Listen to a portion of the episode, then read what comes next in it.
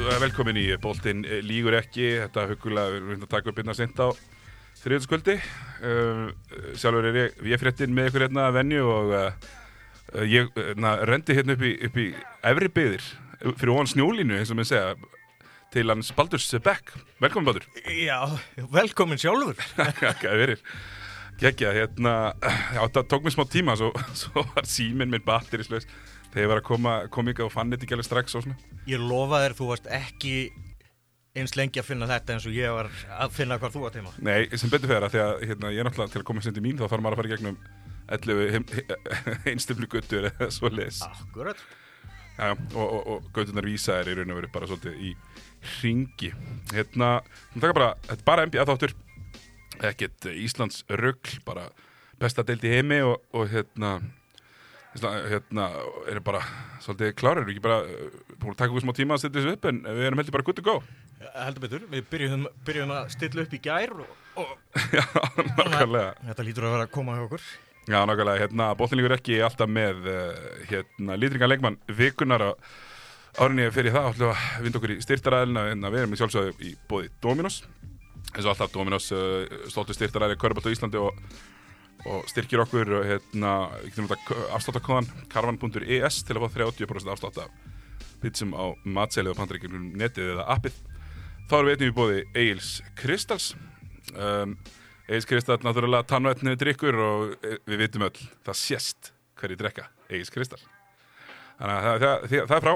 Hérna, lítinguleik með vikunar þessu sinni er, hefur stendur nær hjarta, hjarta mér. Það er svona fyrsta alvöru playoff-serían sem ég sko virkilega horfi á að því ég hérna, er svolítið ungur hérna in the, in the 90s og fyrsta svona alvöru serían sem ég horfa á hvern einasta leiki og er að pæla mikið er Western Conference Finals þegar að, þetta er ekki 2000 þegar að uh, Kobe og Shaq uh, sigra sigra hérna Portland Trailblazers í Conference Finals Já.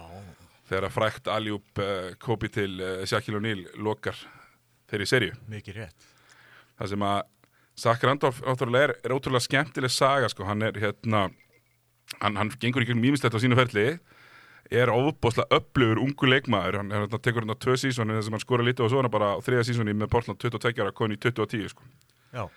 hann er hérna 2010 þar og, og á hann að nokkuð farsalan feril með Portland hérna alltaf Já, svona- þekktur fyrir góða fótavinu sérstaklega svona einn af þessum undir þeir rimgurum Akkurat. Junk in the trunk uh, maður, hann er svona með, með, með digran afturhanda sem hann notaði, notaði mikið og hérna, það, það var alltaf, því að það, maður var svo lengi, lengi, sko, maður, maður vissi að, að hann var með óbúslega mikið hæfileikum, þessi strákur, en hann var svona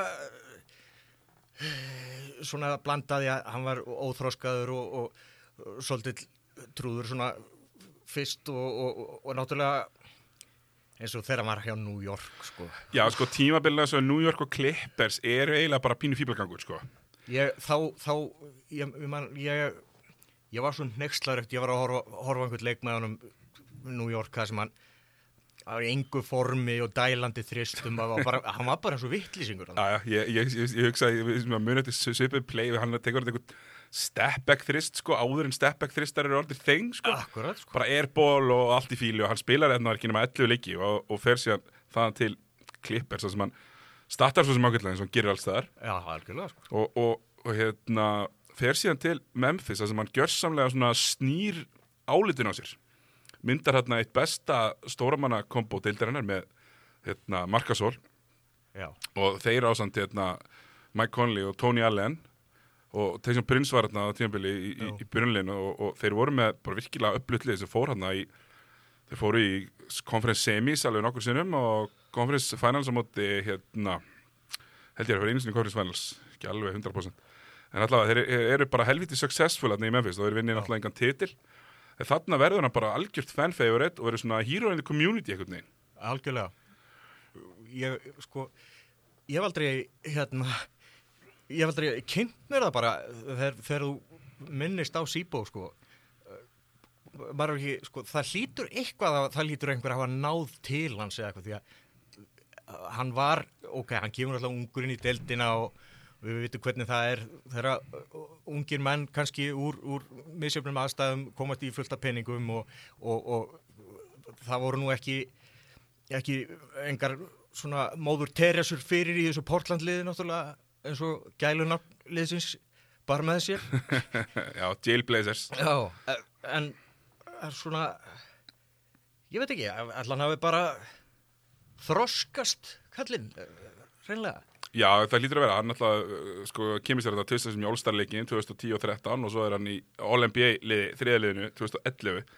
Hann á þetta bara mjög fín ári á, á Memphis og hann, hann einhvern veginn uh, það verður svona það verður svona ákveði shift aðna þegar hann er komin í, komin í Memphis. Það var, það var mikið svona vesen á hann utan alla líka, mikið, mikið um livja, livjavesen og kannabisvesen og svona. Já og hérna svo einhvern veginn meiri sé að einhverjum tímpóti sko tekin með eitthvað svona kjánamagn. 200, 200, eitthvað, þú veist 200, 100, með 100 kíló af einhverju í, í, í skottinu sko. Þannig að þú veist hann svona Það er einhverja yðnaðar tölur já, einhverja yðnar tölur og yðnar hampur hérna að, að, það er samt alveg ótrúlega skemmtilegt að, að þessi, þessi hæfileikar ekki lengmar hafa einhvern veginn að hérna, verða svona vinsæl og, og bara talin eitt af bestu powerhortum deildarinnar í, í mörg áhranda spilaði, var meðal annars sko það var svona hann var alveg það mikið uh, fan favorite, hann var svona partur á svona einhvern veginn identityinu hjá, Algjörlega, sko. hjá Memphis og, og hann hérna Ég meina, eiga hann og Tony Allen eru undirstaðan, er það ekki jú, svona grændandi í þessu gritt en grænd dæmi öllu saman. Í algjörlega þú veist, þeir hérna Gasol og, og, og Conley var nú svona eru nú hlétdragari menn heldur hinn er tver en, en þetta, er, þetta er sko þetta er alveg bara í rauninni snildar uppskrift sko uppskrift að, að svona fyrir klúpa litla markaði sko. Hvernig, hvernig er þetta keira svona upp stemminguna sko? Nákvæmlega, þeir komast í það er hérna 2000 og, hérna, Memphis árið 2013 og þá hérna tapar fyrir Spurs í Conference Finals. Þeir Já. sópað. Spurs fóru illa með þá sko en, en þeir hendu sín á Spurs þeir náða uh, hérna henda Spurs út eitthvað tíma var það ekki 3 og 6 hreinlega, Jú, það var mikið uppsett mann ég.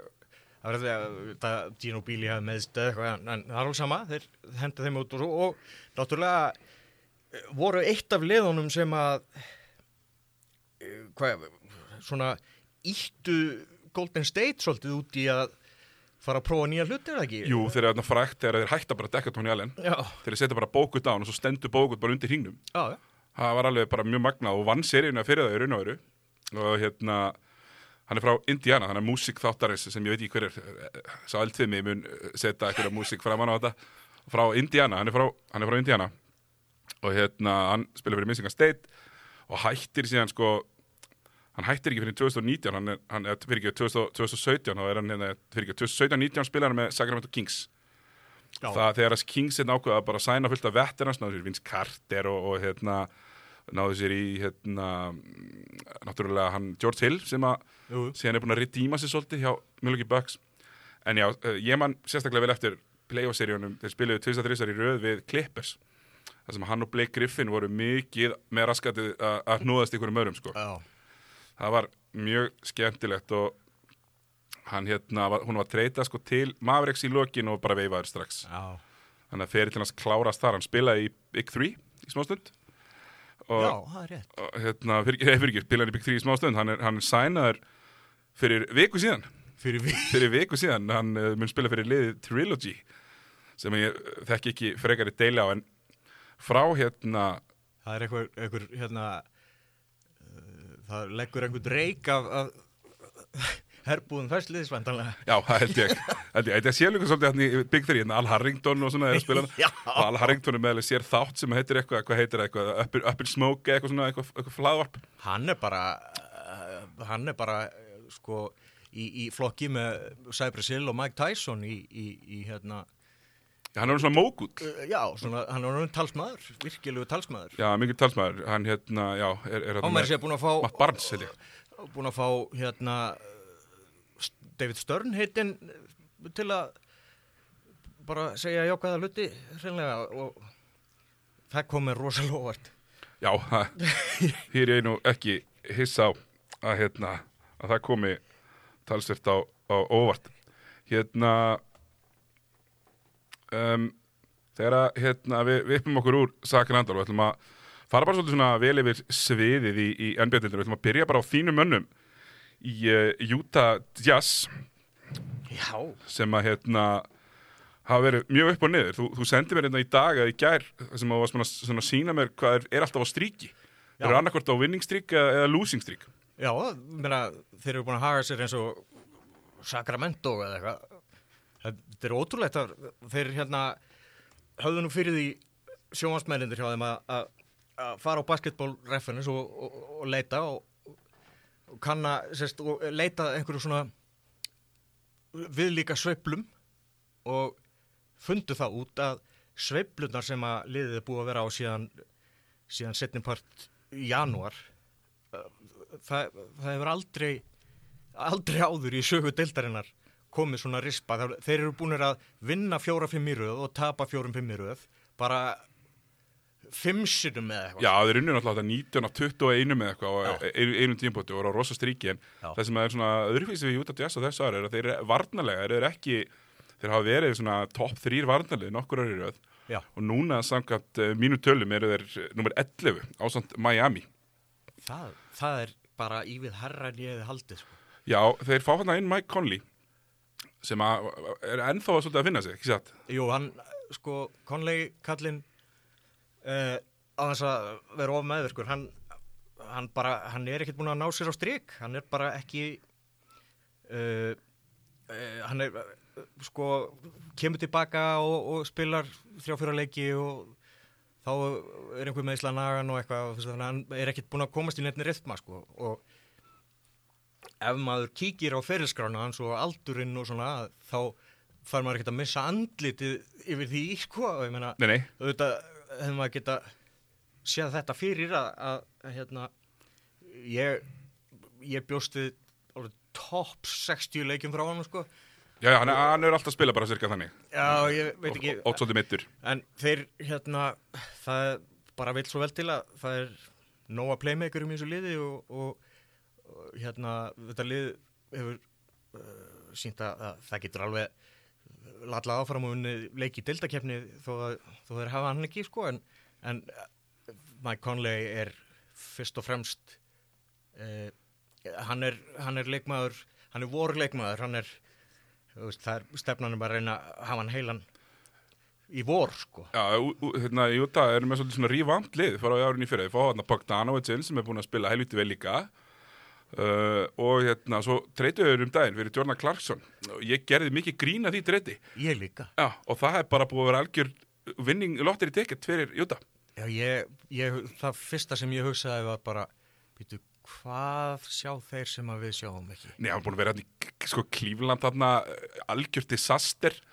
Hérna, og svo, og svo fer hann hann kemur Júta og er bara búin að vera að spila eins og engill. Það er eiginlega bara ekkert að segja öðruvísi. Ég meina hann er bara sko þetta er í rauninni ekki þetta er, þú veist, fýtt kultúr og, og gott þjálfarteimi eða nokkuð svona en, en, en stundum stundum er þetta bara getur þetta verið spurningum um að taka Mike D'Antoni á þetta bara og bara uh, setja hendina á öxlina á leikmennum og, og segja bara, herðu, þú ert rosalega góður og ég veit að þú ert rosalega góður þú ert rosalega hittin og eitthvað og hjá mér, þá kemur þú bara inn á þú tekur bara þín skot og, og ekkert stress og hérna og bara gefa mannum pepp og, og þú veist, þú byrja með reynd borð og, og góðum órall og, og þú veist, þú ert að vinna körfuballaleiki sem þú kannski alltaf verið að gera og, þá bara, þú veist, er allt rósi sko. Nákvæmlega, hérna Klarsson alltaf eins og þú segir, þú veist, hann er kannski svona leikmaður sem þarf bara svolítið að fá að taka nokkuð lélega skot í leik líka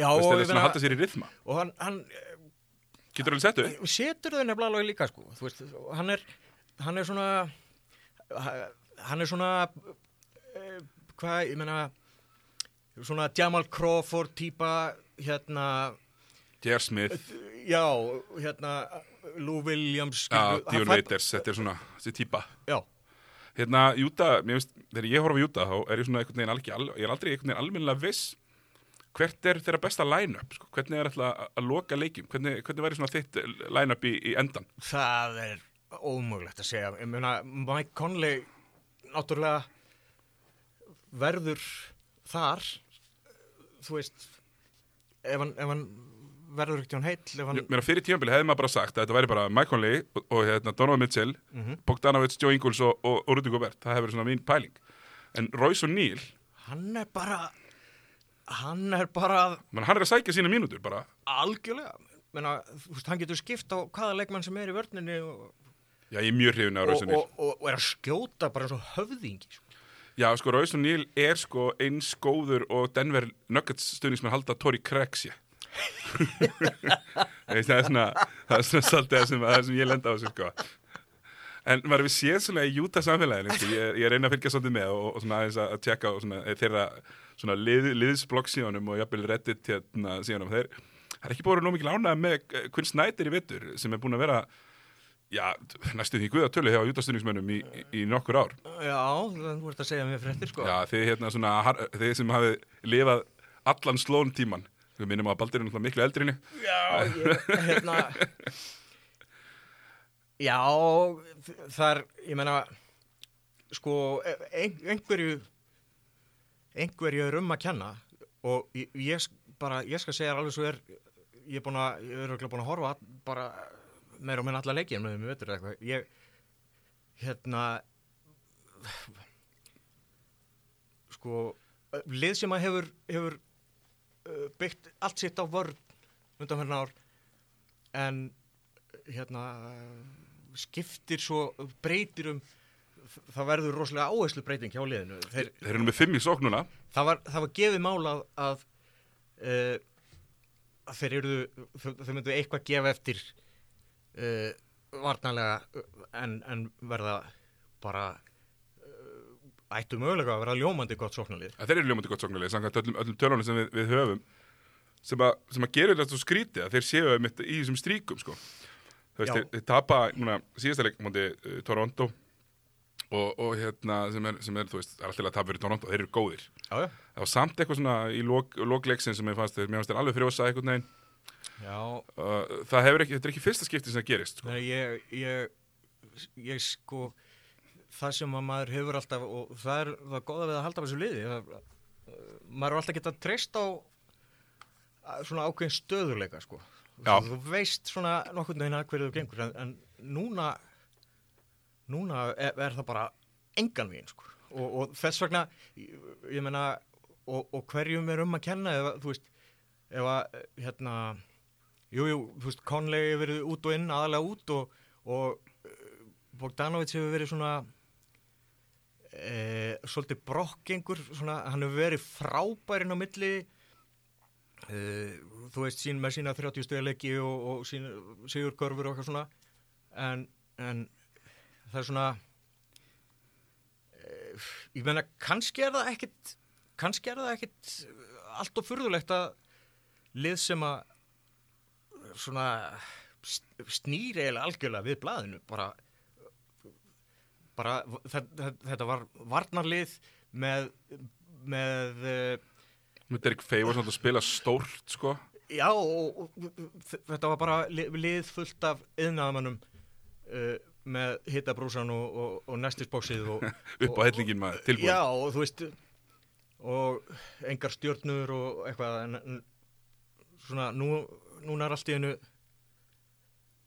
uh, fullt af bara- nóga skorurum og eitthvað bara, ég, ég var nú fyrir tímabilið var ég að ganni bara að- fletta þessu upp sko á síðustu árum þegar maður hefur verið að skoða uh, þetta lið var alltaf með rosalega þygt, hart þak af því að þú vissir að, að þeir voru með flotta vörn, toppum vörn eða eitthvað en þetta lið sóknarlega var bara Limited. ofbóðslega takmarkað. Já, bara steinþak sko. Núna finnst mann eins og að sé svona þeir eru meira, meira velkart í þeim núna.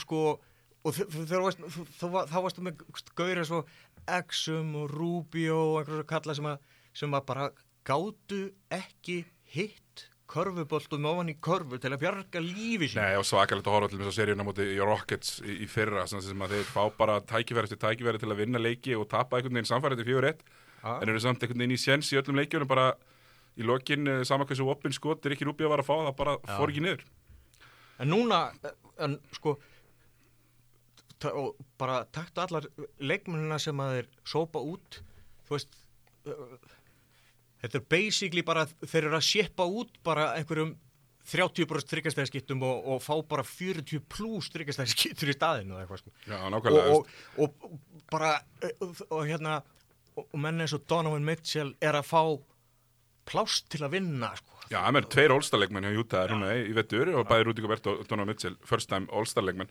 Þannig að þetta er lið sem að, sem að mann finnst hérna, mann finnst þetta bara vera svona svolítið á, á, á samar róli og mörg önnur hérna, lið í vesturinu sem eru, eru í, í svipuðum svipuðum vinninsutvalli hérna, þú veist, Denver, Denver Houston, Oklahoma og, og, og Dallas. Mann man finnst að vera nær þeim liðum heldur en kannski Clippers og, og Lakers.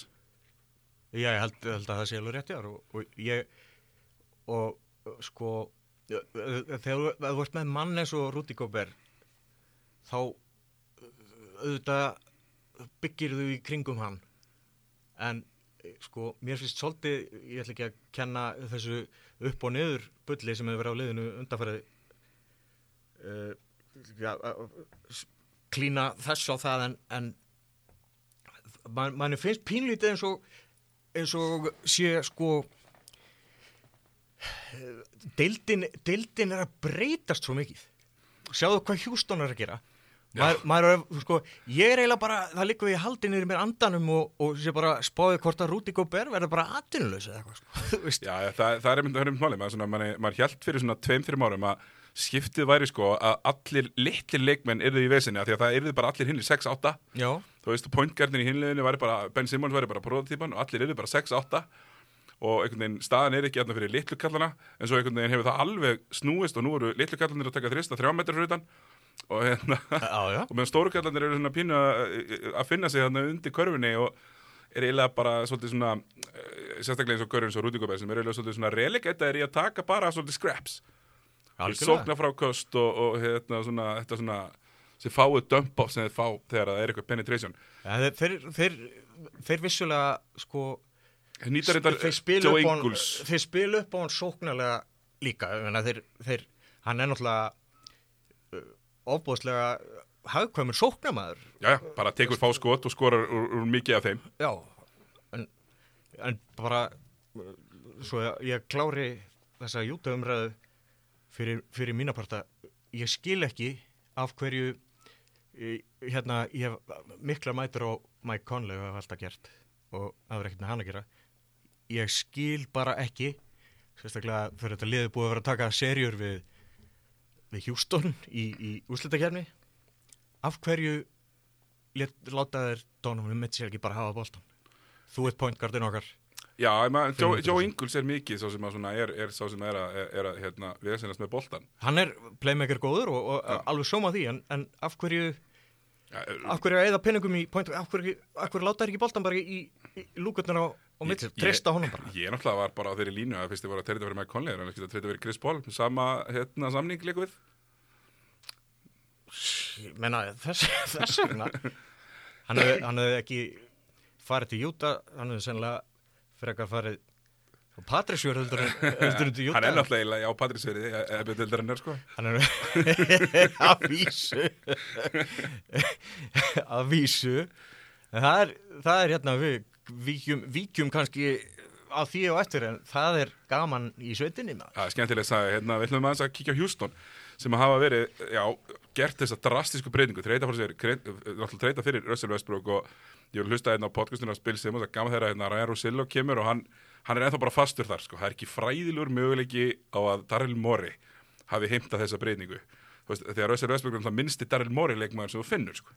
Veist, ekki góð þryggastæða skipta, reckless með, veist, possessions og, og annað í þeim dúr og svo En, Morey, Morey er á þessu ábúslega veikur fyrir stjörnum. Mjög veikur fyrir stjörnum og, og, og maður heldur að eigandi í Houston Rockets er líka mjög veikur fyrir stjörnum til mann fyrir títa. Og svo treytaði frá sér Clint Capella og fyrir hérna uh, faraðna þryggjalega treyt og enda með Robert Covington sem er núna miðinni þeirra og þeir eru náttúrulega nýjasta liðið, Júta náttúrulega gerði það í byrjun tímabils Houston eru nýjasta liðið sem heldur geti redeemað Jeff Green Já, já, já, ég, ég var hissa þegar hann var látið fara, svimmaðum, ég fannst hann allt í lagi, sko. Hann var ekkit, ég var ekkit hann búin var að, ekki vandamálið ég, ég var ekki búin að fá neinn auka gráð hár út af honum eins og ég held að ég myndi fá. Nei, það verðist eins og hvert einasta lið sem fær Jeff Green fær leiða á honum eftir tvo mánuði sko. Já, það búið að vera þannig í mörg ár sko. Svolítið leðilegt, sko. Já, en, en hérna Af því hann, hann er svo, hann er svo stór. hann hann er er alveg Það er alveg 6-9 Það er alveg að nota svoleiðis mann. Svona athletic, stóran strák, sko. Algjörlega, Houston þarna, gerir gerir þessa breytingu sem að hefur fungera rosalega vel fyrir Russell Westbrook sem er búin að spila mjög vel núna undanfærin mánuði eða einn og hálfan Hann er búin að, já. búin að vera virkilega góður, búin að vera að skora mikið og svona enda þá alltaf með fjóra að speysa út þegar hann er. Ég set bara spínir spurningamerki við hvort þetta hafi verið í sko in the best interest að að hjá hérna eh, þeirra besta leikmæri, James Harden sem er núna ekki með lobþrett það er- er enginn sem getur lobba og þannig að þegar hann fer inn í tegin þá geta menn svolítið krassað á hann. Og það hefur svolítið, hann, hans síðasti mánuður hefur ekki verið góður. Nei, hann, hann hefur bara meira meina verið bara hræðilegur á á hans, á hans mæli hverða. já, algjörlega. Ég hef ekki skoðað tölunar hans eh, mjög náið en, en það er bara leik eftir leik er hann bara eh, bara eins og hálfgerðu farþegi þarna. Ég, ég hérna tek undir með uh, mannum eins og Matt Bullard og, og, og svona sem eru bara sem, sem fórna bara höndum og segja bara hann hlýtur að vera eitthvað meittur eitthvað, þetta, þetta meikar ekki sens sko.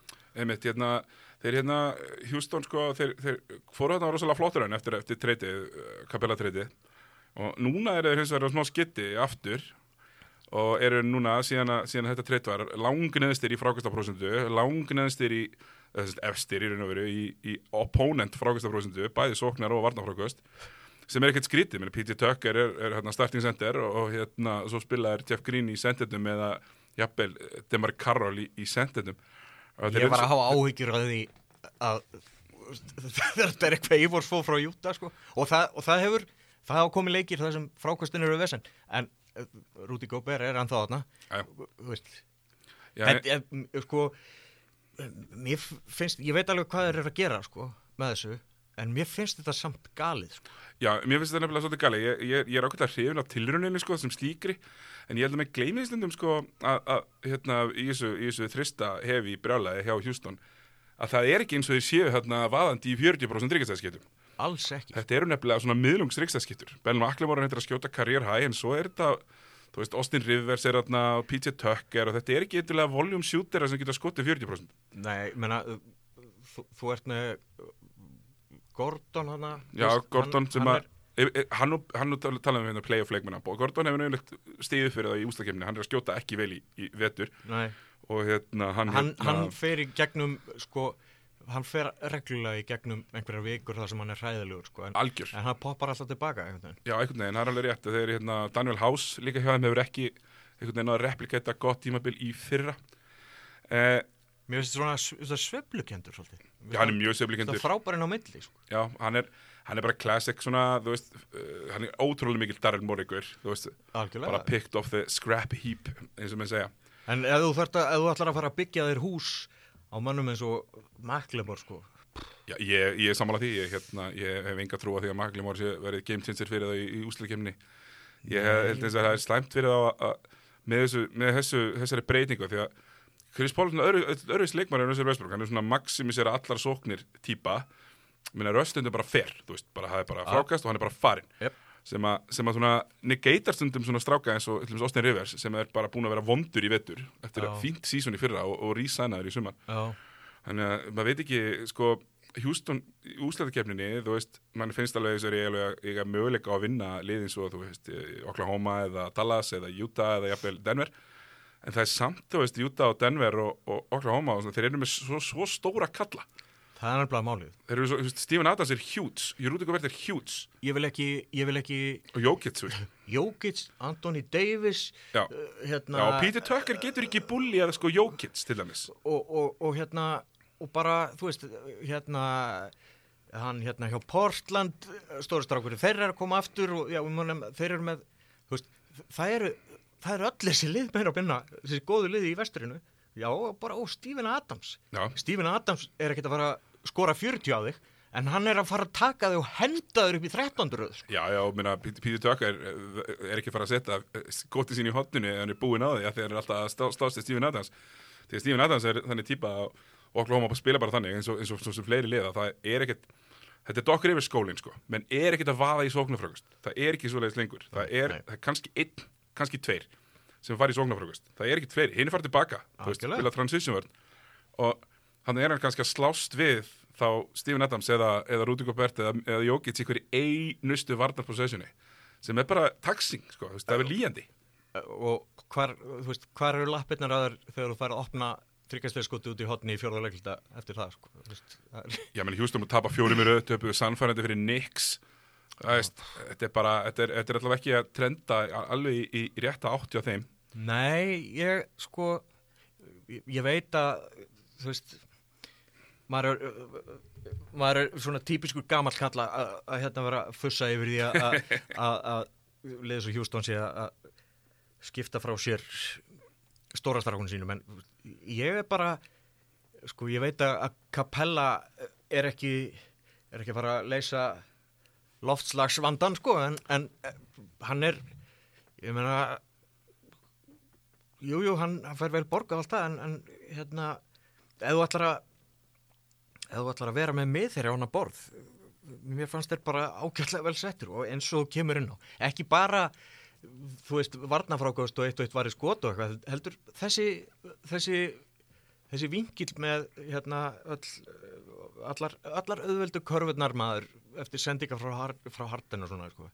ég, mér fannst það svo uh, bara low hanging fruit sko, það er bara einhvern veginn alltaf hægt að ná í stig þannig sko.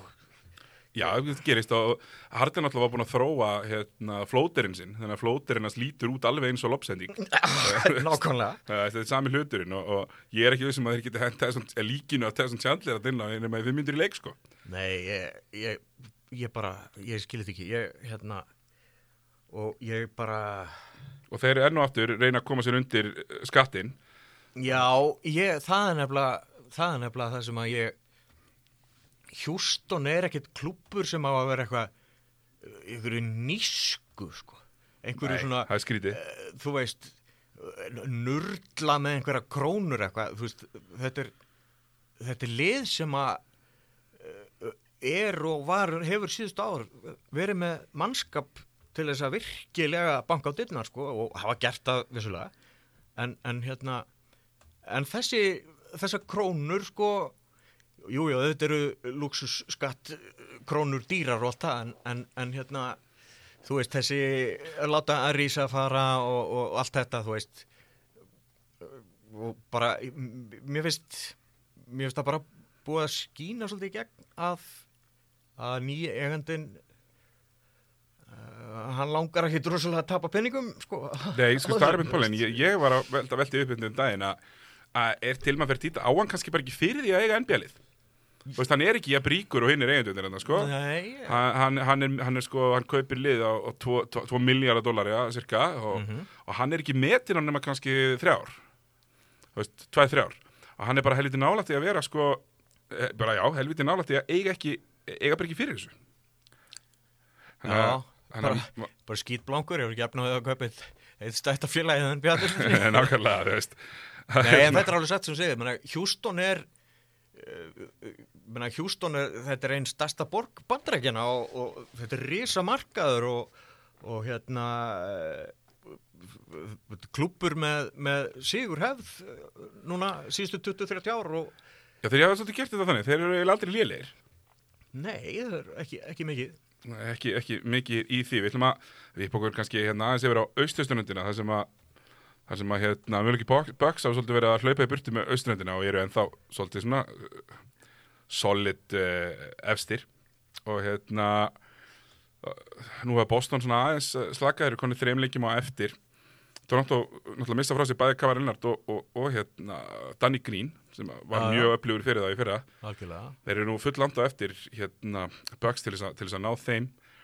En uh, það er mikilvægt í austuröndinu að tryggja sér annarsætið því að liðinu með 7-8 eru Brooklyn og Orlando Akkurat, en lið nummer 6 er Philadelphia 76ers akkurat, sko. og það er algjört wildcard lið langar að, varstu búin að sjá hérna, home and road splittin hjá Philly Það er bara, það er bara svona eins og, eins og hérna, að skoða að leikja plana hjá Júta, sko.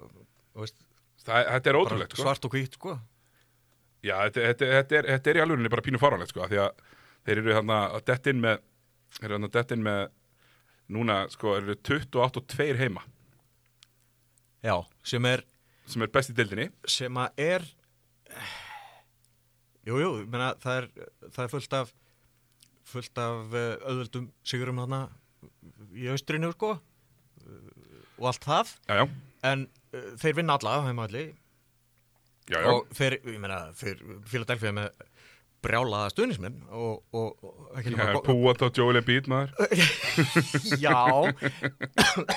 Þeir eru með, já, klikkaða stuðnismenn sem, sem sko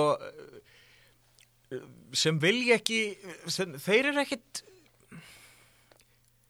þeir vilja bara að liðið leggja sér fram, berjist. Og auðvitað svona spili eh, svona eftir getuð sko, fjandinn hafa það sko Já, maður er nú vonað það. Ég, ég, ég, svo 280 miljónar mennir sko, Al Horford og Tobias Harris fá, fá næstu fjórum árum 280 miljónir það er svakalegt. Það er, það er í alvörinni alveg ótrúlegt af því að þetta eru þetta, þetta er ekki þetta er ekki topp 10 leikmenn, þetta eru góði leikmenn. Mm -hmm. eru inconsistent. Já, uh, kannski þú veist, kannski kemur bara Al Horford og, og segir mér alltaf kjátti og, og mun bara spila vel í úslakefni ég er ekkert ólíklegt við það ekki nokkuð skapahlutur Þannig að maður svona, hérna, maður hugsa sko með Philly sko að, Það er, ro það er rosalegur uh, Al Horford er, er að líta óþægilega mikið út eins og maður sem að sem að uh, er bara að síga á felguna svolítið sko. Já, þú veist, er þrjú ár eftir, eftir þetta Titt árum sem er óbóðslega mikið, fjögur ári hundra, það var ekki líið þegar hann, hann uh, sko, sam- samdi ekki við Boston og, og þegar maður sá bara að hann, hann átti einhvern tjens annar staðar, þá var greinilega búið að heyri honum. Já, frá, hérna, Borg uh, bræðra ástarinnar. Hérna, hérna sko Philly sem að maður hafði ímyndað sér að að fyr- fyrir tímabilið er þið sko, sko powerhouse varnarlega. Stórir stórir, já, reyfanlegir og, og þeir eru svona þeir eru, eru ágættir um sjö. Þetta er ekkert eitthvað, þetta er ekki samið sko múrbrjótur um að bjóstið Nei og ég hérna ég horfi ofbúslega mikið á Philadelphia uh, að því ég náttúrulega fylgst mikið með Embiid og svona og, og, og ég er með ofbúslega ofbúslegt blæti fyrir hávarsnum leikstjórnundum hérna og það er fátt skemmtilegra en að horfa Ben Simmons þegar hann er rétt stiltur sko. Já, ekki ekki sko. Það er alveg brjálað að horfa hann spila körfbalda en ég bara þetta áhorf mitt sko það, ég finn, finn það. Það er að snúast svolítið frá því að vera svona fan, svona aðdáðanda áhorf yfir í að þetta er orðið pínu haturs áhorf sko. Ég er pínu, pínu svona það er svolítið þorður í manni sko. Já, algjörlega, sko, ég, ég er búið gaman að þessu. Ég, ég, ég, ég, ég veit að þú ert rosalur í þessu. Sko, hérna, sýsti mín er mikill eh, NBA áhamaður og, og, og vann hérna með annars spákeppnina á okkur hjá körfunni í fyrra með Toronto og með alla leiki rétta hérna í úslakeppninu næstu í Toronto meistara og svona. Að hérna, hún er mikill fylgið aðdáðandi og það er alveg pínu fyndið, sko, okkar samtöl núna eru mig að gera grín og gera grína hennar mönnum en, en það sem er eitt kannski svona stórt ágefni hjá með þegar, það hefur ekkert heyrst frá þeim var að þessi meðsli hjá Ben Simmons. Það, var bara sagt að þetta væri eitthvað svona, nerve, eh, eitthvað svona lower back nerve pinch, eitthvað svona. Já, það hljómar ekki vel. Já, hljómar ekki eins og sé bara þursabit, sko. Það hljómar eins og sé eitthvað eitthvað meira þarna. Taktu það frá manni sem að er búin að díla við svolítið er en áratug. Það er, er ekki Já, það er ekkert grín. Nei, Það er ekkert, ekkert grín. Hérna, sko manni, á, Hvað getur maður sagt? Það er erfitt fyrir maður núna veginn að ljúga sjálfum eða ljúga sjálfum sér, að rökraða við sjálfum sig og komast að þeirri niðurstöðu að fylli séu alveg kontenderar ég ég, ég ég mun horfa á hvern einasta leik með þeim sko í úrslutakefni en, en ég hef uh, það vottar ekki fyrir að ég hafi trú á þessu liði sko. bara, það vottar ekki fyrir því sko. Nei, ég, einhvern veginn, maður hefur heldur ekki, ekki hérna, trú á, á þjálfvaranum að hérna Nei, hann, hann er bara manni finnst hann vera sko á svona barmi þess að- missa klefan bara einhvern veginn. Það, það er alltaf eitthvað, eitthvað nag í gangi og, og svona ég veit ekki. Þú veist hvað ég menna Ég sko, alltaf brand náttúrulega réðan ekki sem er alltaf ákveðin áhætta fyrir þjálfara. Þegar að kynir manna sín liðinu þetta er ekki hans maður, skiluru Nei, maður verður haldi, haldi kannski að úr því svona út af þessu sem varst að tala um áðan þessu launatölur launatölur uh, launatölurnar sem varst að tala um áðan sko, Nákvæmlega. Eld og Brand hefur kannski nóg öðrum hlutum til að ágjaf Já, spe, spetti bóðan kannski aðeins og hátt Já, ég meina, er ekki er hann ekki uh, sko, nú sáum við á hérna spútnika svolítið þegar að þeir duttu báðir út frendur hana sko er ekki Brett Brown bara færi það honum ekki miklu betur að, að þjálfa bara lið sem er ekki með svona ofbóðslega stóra stjórnur Jafnvel, sko, náttúrulega kemur hann inn, í, kemur hann inn og þjálfar lélegt fyllilið, sko, þú veist, og, og er búin að vera með og það er sér lengi. Já, já. Hérna, þú veist, það er, það er eitthvað svona manni finnst, þeir eru annars svona lið, veist, í, í, í lok leikja þá finnst manni eitthvað svona tjólum beat, mid-post, hérna, nóð manni, Já, maður hefur bara ekki trúna, veist, maður hefur ekki trúna, manni finnst þeir ekki hafa, þú veist, Josh Richardson hefði kannski átt að vera svo leikmaður eða Tobias Harris, en, en Josh Richardson verðist hafa meira svona mentalitet að að koma og vera, vera sko svona, gera sér gildandi í lok leikja frekar heldur en uh, Tobias Harris sem er alltaf inn í sér, öllum liðunum sem hann hefur verið í. Já, svolítið sko. Þannig að þú veist, það er, veist, það er ekkit að flóra leiknum eins og hjá Ben Simon sem er með, þú veist, átta stóðsendingar, átta frákvöst og, og tvo stólna. Já, já. Veist, það er ekkit, það er ekkit að þarna, en það er samt, þú veist, það er maður er ennþá, það er svo mikið klísja þú veist, maður er ennþá í hver er balansinn. Já, þú veist, L.R. Horford er hann floor spacer? Sure. Hvað tekur hann marga í leik? já, það, Þrjá já og bara er hann að hitta eitthvað sko? Já, manni finnst allavega eins og, eins og sé hérna eins og sé allavega eitthvað sem vantar. Og þeir, e- þeirra möguleikar að breyta liðinu sínu í sumar eftir væntalegt vonbreiða sísón og svo væntalega nýjan þjálfara býst við. Mm, Já, maður er hérna að sjá sko hérna, möguleikana hvað er hægt að breyta því að eins og sé Al Horford hægt að treyta þessum samning en, en fyrir hvað að því að Al Horford á þrjú ár eftir veist, hver vill þetta? Já, já, akkurat sko. Þú veist, sama með Tobias þú veist, eftir að hafa séð þetta frá þessum leikmönnum þá veit maður ekki alveg hvað er hérna möguleikarnir liggja. Tobias Harris þarf að eiga ofbóðslega úslitakefni ef hann ætlar að verða söluvænlegur í sumar sko. nákvæmlega, Eh, hérna úr fylli það voru svona spútniklið austusins um, er með mér hít heldur betur. Heldur betur og þeir eru ekkit ég held alltaf að þeir myndu sko byrja að dala þeir bara ekkert gera það ekkert Nei, ekki dvola mikið. Nei og þetta er með sko þeirra svona stórstjörnu Jimmy Butler skjóta bara mjög illa í, í vetur. En hann er með óbærslega flott nettirreiting hann hefur auðvitað sko góð áhrif Algjörlega. inn á vellirum, ég elska Jimmy Butler mér finnst þetta, þetta er einn af uppáhaldsleikunum minni í deildinni. Já, já samanlegar hann, svona, hann, er, hann er einn af þessum, þessum, þessum floor racerum. Eiginlega fáir, fáir leikmenn sem lifta gólfinu jafn mikið sko. Að ég, þeir eru núna 41-23 sem er bara virkilega gott og, og enn og aftur bara kútos á Erik Spolstra sem að hættir einhvern veginn ekki að koma bara óvart sko. Eh, þrjá rúkis í, í, í stórum hlutverkum og, og, og hérna Duncan Robinson. Ég sá hérna tölfræði frá Kirk Goldsberry um daginn. Já, svona, svona hérna, hann var búin að setja hann var búin að skipta gólfinu í einhverja 20 parta og hver er besti sjúterinn já, já. Og Duncan Robinson er bara alla þryggastelina nema hotnin, sko, hann tekur ekki mikið, mikið skotum með hotnunum, alla, allt arkið Er er hann bara bestur hann er bara 44% á hæri kantinum 43% á miðinni og 42% á vinstakantinum Hvað, hérna, sko, nú veit ég að, að hann fær aldrei gælunafnið Dikembum og Tumbo, sko. En hvað, hérna, sjáðu, sjáðu þessa gauðra sem að, sko, þegar maður er að, þegar maður horfa á Miami, þú veist, ég, hef ekki hort á Miami mikið aðeins í fyrra ekki mikið hort á undanfærin ár, sko. En maður er að, sko, upplega svolítið haust og, og fram eftir vetri að maður var að horfa á Miami leik og það var fullt að gauðra mann inn á að gera fullt af góðum hlutum sko. En svo minnir þulunum mann á það að jú það vantar þennan og þennan og þennan og þennan. Já, og bara, hvaða rugl er þetta? Já, nákvæmlega, hérna, Myers Lennart var að spila vel fyrir það og svo var hann út, þá kom bara Kelly og Linnick að spila ógislega vel, já. Bama til Bæjar alltaf var Nólstaleikmaður, Bam er náttúrulega bara í rugli. Bem er óbúslega skemmtileg, frábær Vá. sendingamæður líka, sér einhvern veginn gólfið ógislega vel, þetta er bara mjög frambarað og skemmtilegt og ég, hérna, það er alltaf talsett til að held ég Miami Heat aðtöndam á Íslandi því þeir voru Já.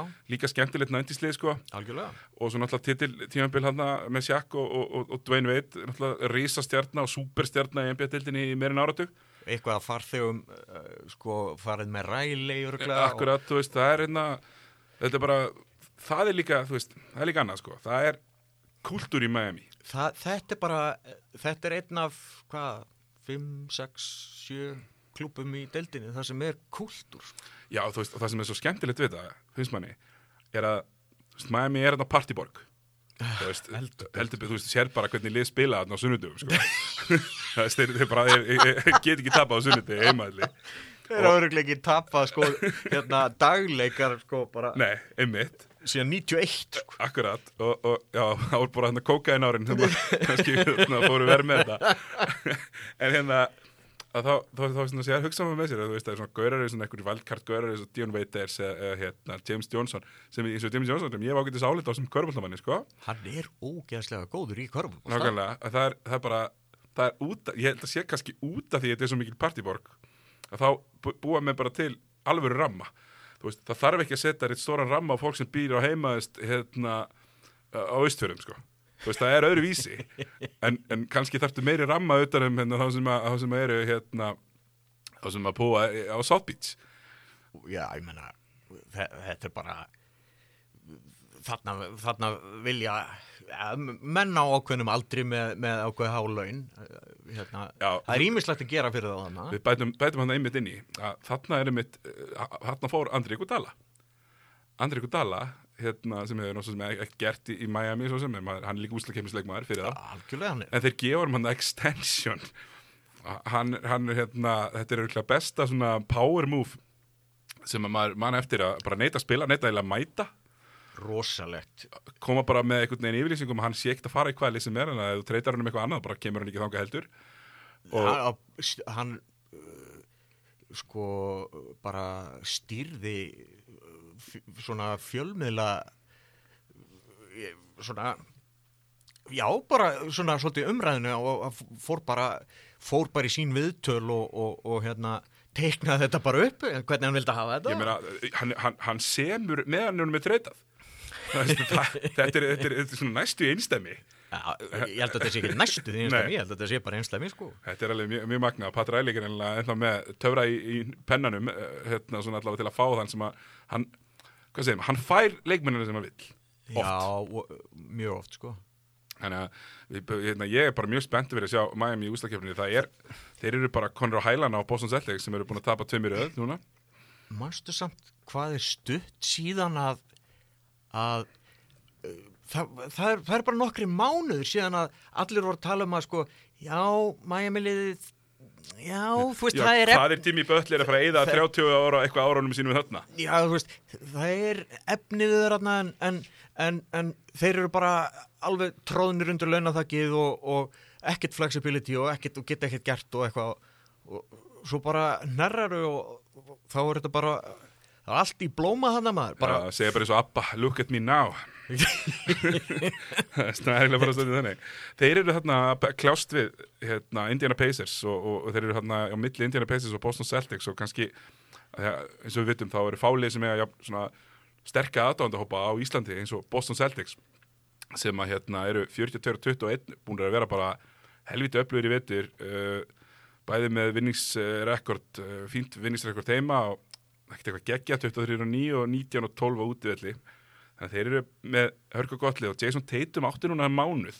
Já, og svo, veist, ég, já hann átti mánuð. Ertu, sko nú væri gaman að hafa Davíð hérna, sko. Hva, hva, hvernig myndi Davíð snúa sér út úr þessu mánuði Þetta djöga, Davíð setti nú bara í dag hérna, rítra, hann var að rítrafta 2017 hérna, sem Jason Tatum er draftar hann var að rítrafta og Jason Tatum var ekki topp 5 hjá hann Ok, það var bara John Collins eitthvað svona. Ok. Heldur góður alltaf. Hérna, Þeir eru, hvað, eru ekki bara að tapa fjórum í röð? Tveimir önuna, eru 5 og 5 Nei, jú, fjórum heima. Heima? það er rétt. Svolítið ofennilegt, sko. Já, mjög öllegt, uh, Titi Garden oftast svona verið upplugt víi það, það er náttúrulega það er gömul saga en, en það vantar alltaf einhvern nýtalið Já, alltaf með, nú er Jalen Brown mittur Já, Kemba vera að koma og Kemba er ekki búin að vera að spila vel eftir. Meðisli, hann tapar þessum leikamóti Oklahoma og alveg ótrúlegan hátt. Hérna, hann, hann, hérna fyrir þá sem sáðu ekki, þá hérna eru Boston, Boston að Sröderinn. stíi yfir og, og hérna Kemba fær innbótið og einhvern veginn snýr tilbaka sinni eigin körfu. Chris Paul svona næra loka hann af þannig að hann neðist til þess að snúi sig við og hann snýr sig bara alveg blind við. Allar ekki að tala um all, og þá kemur bara Schröder tekur boltan og fer í bara sennilega mest casual layup sem ég hef séð. Það var ekki, það var ekkit ördir sér, bara tók bara boltan og, og, og hérna svo f- hérna, flándraðir og, og gera bara sem er mistök og mörgli reyna að gera er að posta upp Chris Paul í lögin til, að- til að fá körfu. Þú, ég er hissaði þú verður ekki, ekki talað um að kempa hærurnar í þessu höllu saman. Já. já, hérna, þeir hafa tamt tekið þeir með tekist að því ég fyrir, fyrir, fyrir, fyrir tímabilið að bjósti við myndi vinna svona 48-49 leiki svona í kringum 50, þeir verða það í kringum 50 þeir verða kannski 52 eitthvað svona. Og hérna þeir, ég, sá, sá bara miðherja rotationu sem að var líka. Daniel Tice og, og Enes Kanter og svo, hvað heitir hann uh, Mitchell, uh, ekki minni, ekki Mitchell Robinson heldur Robert Williams. Já. Ég, ég, ég hafði miklar áhyggjur á þessu. Ég hérna ég veit ekki hvort, hvort þetta kallar á útúldur um Aaron Baines. En þetta má kalla út almáttur sko. Herru, sástu stepback þristina sem þú daginn. Ha, hann er, þú veist, Aron Baines veist, hann er með mjög ljótt skotin. Það að, að fyrir niður og það fyrir niður bara á mjög sannfærandi klippi. Og hérna hann átti Já, þetta já. ní, níu þrista leikum daginn. En ég ætlaði svona að klára hérna Bo- Boston Celtics. Að því að, að þessi miðri rotation en, en Daniel Tice hefur bara komið ekki bara skemmtilega óvart heldur eiginlega bara frábærlega óvart. Hann er bara ógeðslega góð Já, bara frábær leikmaður. Hann hérna, passar hringin betur enn í bjóst við og, og hérna, er svona smart smart sendingamæður gerir, gerir enga vittleysur þetta er bara svona hann er, hann er þýskvél. Hann er það, hann er það. Hérna, sástu uh, Boston Utah á dögunum? Já, sástu, sástu þegar hann var að bumpa Rudy Gobert? Já, færa bara. Frá, já, já, veist, hann vinnur alltaf forviðuna hann er, hann er kannski ekki með 15 frákust í leik en hann er búinn að hrinda svona þrem. Já þú veist, þegar er að fara- einhver er að fara að taka varnafrákust þetta er bara, uh, hann vinnur mjög sko vanþakláta vinnu og, og, og svona, þetta er ekki, er ekki mikill sjarmi yfir þessari vinnu sem hann vinnur en, en það sem hann gerir það vel maður. Já, bara virkilega, virkilega gott og hann, hann er bara uh, við vildum, við spurðum okkur býtu, býtu, býtu, býtu, okkur halda þeir ekki beins uh, þetta er svarið.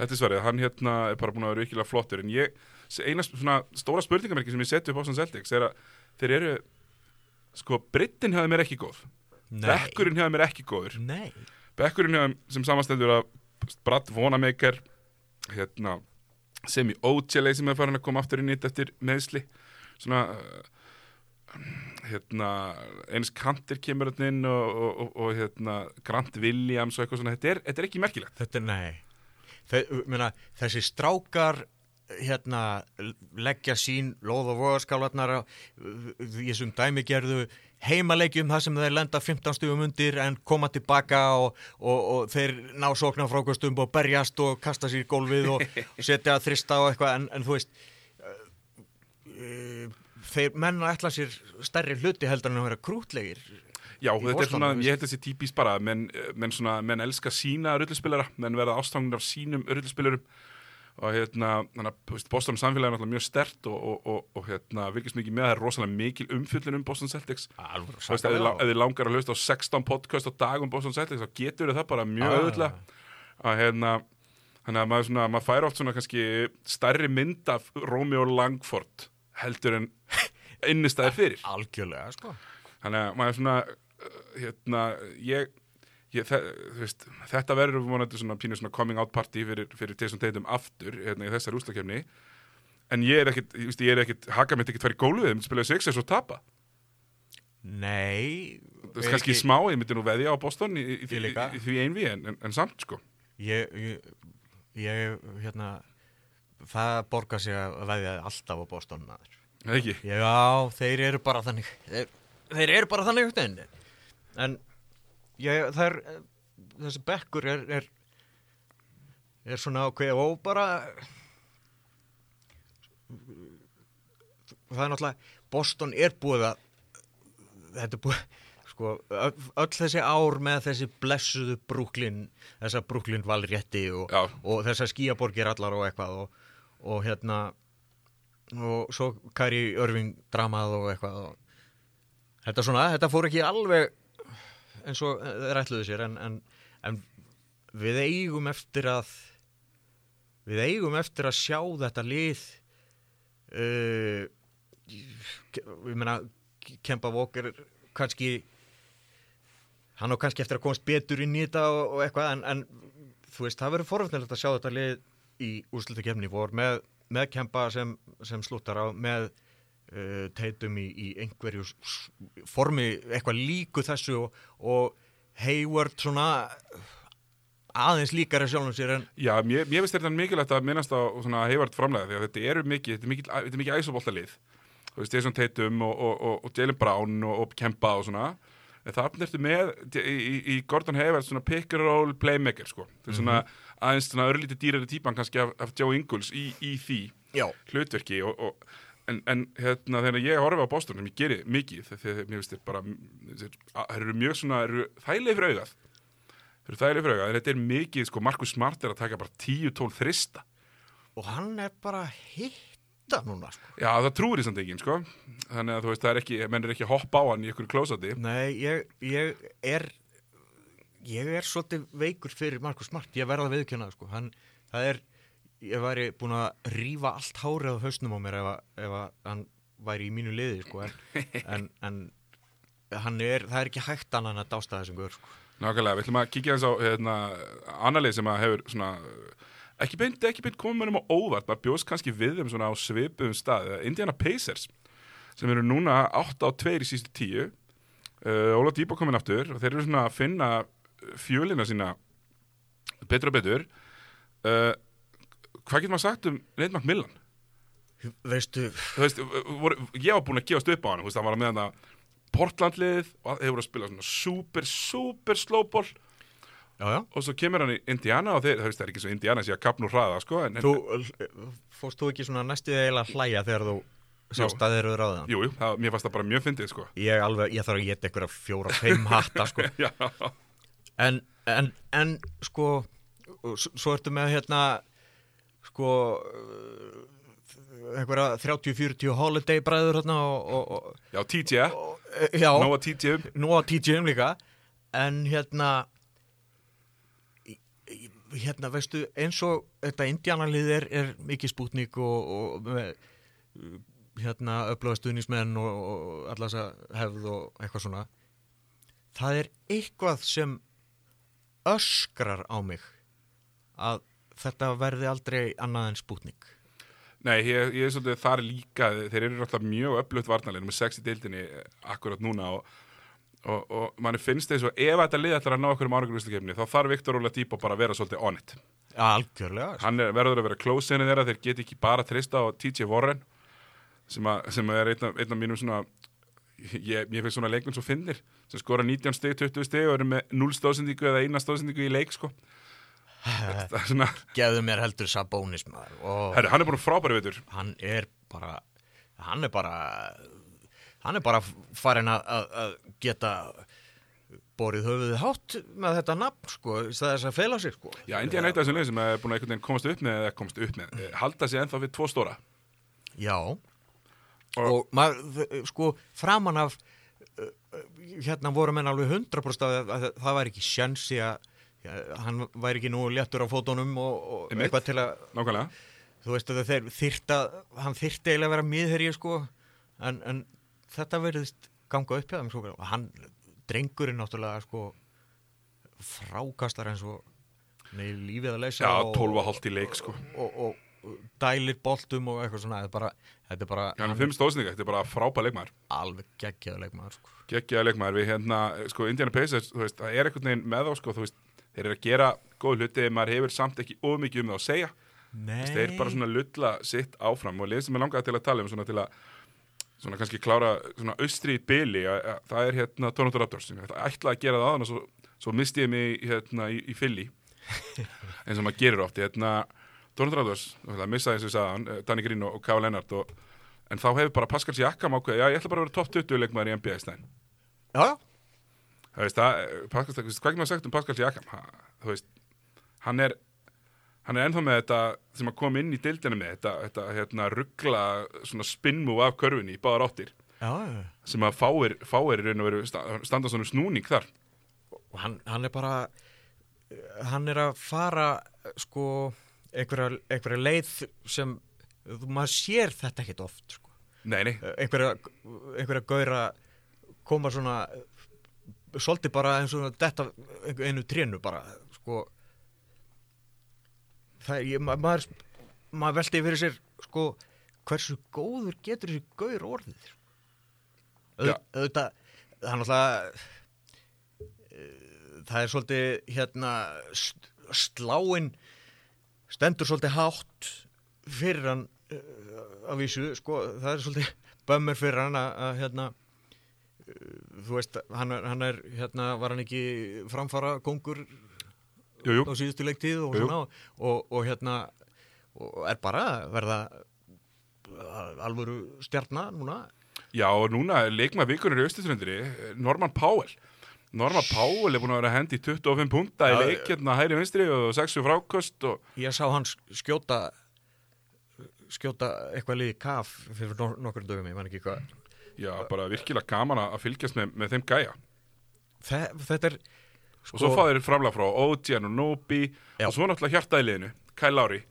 Svo Kyle Lowry, hvað er maður sagt um Kyle Lowry líka? Kyle Lowry, einhvern veginn hann er búin að vera í tíu ár, held ég, eða átti eða níu ár. Og hann einhvern veginn fyrst, fyrst fannst manni, þú veist, Emma DeRozan vera hérna, besti sóknumarinn í liðinu en Kyle Lowry er svo sem lætur þetta teka hann Já. kemur og reynir að taka 14 rauðninga í leik, hann minnir mig Já, hérna, leit karriér Shane Battier sem var reyndi aldrei að spila vörnendur, reyndi bara að láta sér þetta Eh, hérna, en Kyle Lowry er ekki bara að ráta sér þetta sko. hann er bara mættur fyrir framann sko, Lebron James á dræfinu og, og, og fórnar sér Já, ég meina þú veist, enda, er, uh, maðurinn er uh, hann er svo keilukúla í læginu hann er alltaf, er sterkustrákur og, en, en hann er hann er búin að hann er búin að vera í dildinni bara síðan sko við vorum að horfa svarkvitt sjónvapn þessi gaur sko. Já, Lowry, hérna, búin að spila hérna, 52 leiki vetur, 19 steg og, og, og 7,5 stóðsending, bara, ja, 20 steg og, og 7,5 stóðsending, virkilega svona stert sísón og þeir eru að fá óbúslega flott framlæri, frá framlæri frá leikunum sem ég hef ekki heyrt um fyrir tímil, Chris Boucher, búin að eiga flotta leiki, hérna, Terrence Davis búin að eiga flotta leiki, Marka Sol, þú veist hann er að detta inn í þetta aftur núna. spi- spilar, þú veist, annarkvæmt leik eða eitthvað Já, bara annarkvæmt leik, það er svolítið svo leis. Og, þú veist, það, þetta er lið með breytt. Þetta er lið sem, að, sem að ég hef trú á í, í, í úslutakefninni vegna þess að hafa breyttir með menn sem að vilja setja stór skot eins og Fred Van Vliet og, og Kyle Lowry og þeir eru búnir að sko, þó að maður trúi því ekki ennþá þegar maður segir að þetta er, þetta er svolítið bara eins og með lester eða eitthvað sko.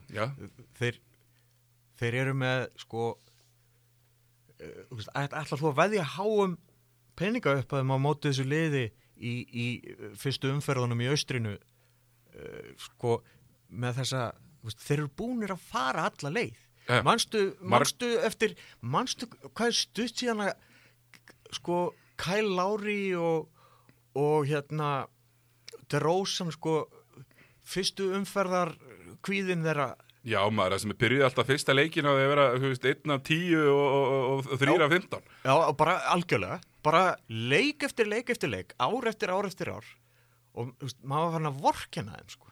Já, alltaf, enda allt einhvern veginn alltaf Lebron James sem að bara kom og sagði, ég er pappi ykkar. Já, og þú veist, hérna, nú er bara komin hátatími hérna, bara að loka hörðum í slögt ljósi og bara bye bye. Góða nótt einar Nákvæmlega, það er bara algjörlega þannig. Hérna vestanmegin, og nú hef ég náttúrulega gríðlega gaman af, af, af hérna, af mí- mínum manni Chris Paul og hann er að spila fyrir liðið sem heitir Oklahoma City Thunder sem eru með hérna, besta vinnustundalli í deildinni síðan á uh, Thanksgiving. Hann, er- hann er að spila á, á Kvamstanga Já, kvamstanga NBA-dildarinnar Já. hérna, Þú veist, þú keirir alltaf bara framhjá Þú flýfur alltaf bara yfir. Svona flyover pælingin, sko. Þú veist, alltaf tala um flyover states Þannig að kvamstangi er hérna Kvamstangi og, og svona bæjar eins og, og stikki svona með eitthvað Þú veist, það er afleikjari, sko? Eða vopnafjörður Þú ferð ekki þangað? Nei. Nei, Þú veist, það er ekkit langt nýra djúbá en þú ferð ekki þangað sko. nei, nei, er þó að sé eitthvað voða góður humar. Já, en hann er já, hann er hérna Oklahoma City Thunder eru bara konur í fymta setið í, í vestirinu og hver hefði trúið því fyrir tímabilið? Eh, Sko, Ekki það, ég hef alltaf verið í kampnum sko, að setja Chris Paul í lið og vinna 50 leiki já, já hérna við, við, við höfum báðir tröll að trú, á, á Chris Paul. Þú aðeins meir en ég. Já, ég aðeins meira en flestir sko. En hérna þú, þú varst alveg smeykur svona þú, þú varst ekkit rosalega bjart sýtt fyrir þetta tímabil. Nei, ég er bara vanur að Chris Paul sé í liði sem að ætla sér að vera einhverju kontenderar og svo var hann komin Já. hérna í Oklahoma og þetta átti bara að vera maður var búst fastlega ráð fyrir hann meiri þreitað fyrir tímabilið. já, já, bara eh, hérna bruna útsala og, og, og eitthvað ruggl og Nei, en svo bara kemur í ljós að þetta, þetta lið sko, sem að spila með þetta fimmana line-up hérna, til að loka leikjum með Galinario Adams undir og svo Chris Paul í þristinum eh, va varnarlega, sem er alveg, hann er að dekka smólfórað einhverju með, þetta er alveg fárálegt hérna sé Gilgis Alexander sem er frábær er óbóðslega skemmtilegur og svo Dennis Röder, sjötti maður ásins sröderinn maður og, og Oklahoma þeir eru, það, það er svo mikill Chris Paul andi yfir þessu lið, þeir, ex, spila hægt það er executað einhver einustu sókn já, leitaða besta skotun einhver einustu sókn. Chris Paul er að skjóta 54, nei 56% í midrange skotum sem er svona absúrt, þú veist það er ekki Dirk Nowitzki var ekki einu sinni þetta, var fárálegt og þeir eru núna bara að spila flestu jafna leikina í deildinni. Já, og þeir vinna á alla. Já.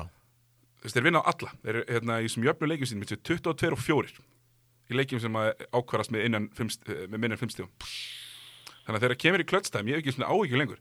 Það er bara hyping and roll og svo er bara Chris Paul að taka hérna, st- step back midrins uh, twistin sinn.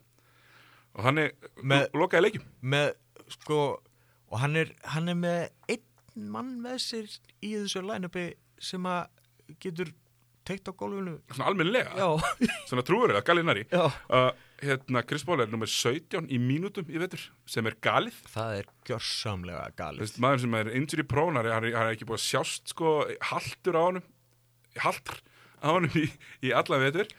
Um, Oklahoma eru bara að koma þeir eru 8 og 2 í síðustu 10 og þeir eru bara búin að vera frábærir og þetta fimmara lænum sem við talaðum hva, hvað sagður mér að væri pluss í netti reyting í, í nettreitingu þar að se- segja ef, við tökum uh, sóknar uh, stig skorað á hverjar hundra sóknir og, og, og varnarleika hverjar hundra sóknir og, og, hérna, og drögum það frá. Þeir eru pluss 29,9 Já, nákvæmlega, þetta er sem er langbest í dildinni er lang, lang, lang best sko. Og, bara ég meina þetta eru, þetta eru tölur sem að sko taka eh, Miami töfaldar mestara Miami og svona ofurlið bara og bara snýta þeim sko. Þetta er, er ótrúlega tölur og maður, maður býst við sko að því að þeir eru svona e, e, þeir eru mikið midrendslið og veist, Sjegi Líkus Alexander tekur mikið af þessum skotum líka, hann er með frábæra nýtingu í þessum skotum. Dennis Röder tekur mikið af þessum skotum frábæra nýtingu í þessum skotum.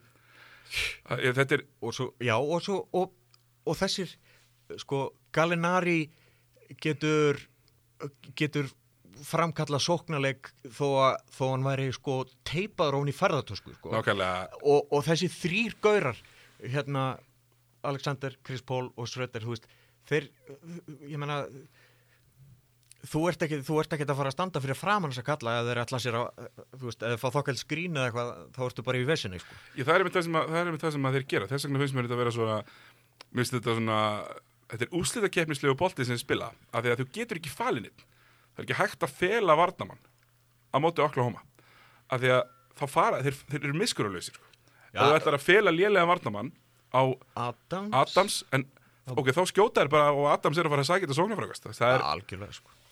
það er, það er erfitt að fela lítinn lélegan hérna, ég sé það með þetta klippir svo ég myndi sjá, ég myndi nú spá klippir seri þeirri seri en Lou Williams mun bara í, í stökustu vandræðamann til dæmis Já, er, það er spurning, spurning með sko uh, af því þe- þetta liðið er, er klárlega með potensiali að vera með læti sko hérna það langar engan að mæta þessu liði í úrslutakerni sko. Nei, minn og þeir stefna bara heima allar Já maður.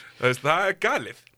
Það er algjörlega galið hérna, Það er eina spurning með, með sko breytt, Já, hún er ekkert með mikla breytt er hérna, þeir eru er- reyndar búin að finna Diamond in the Rough í, í Marcus Smart fótakamannsins, Luguins Dort. Dortaranum maður. Geggjanafn, Alveg rosalega og, og hérna hann er bara góður sko.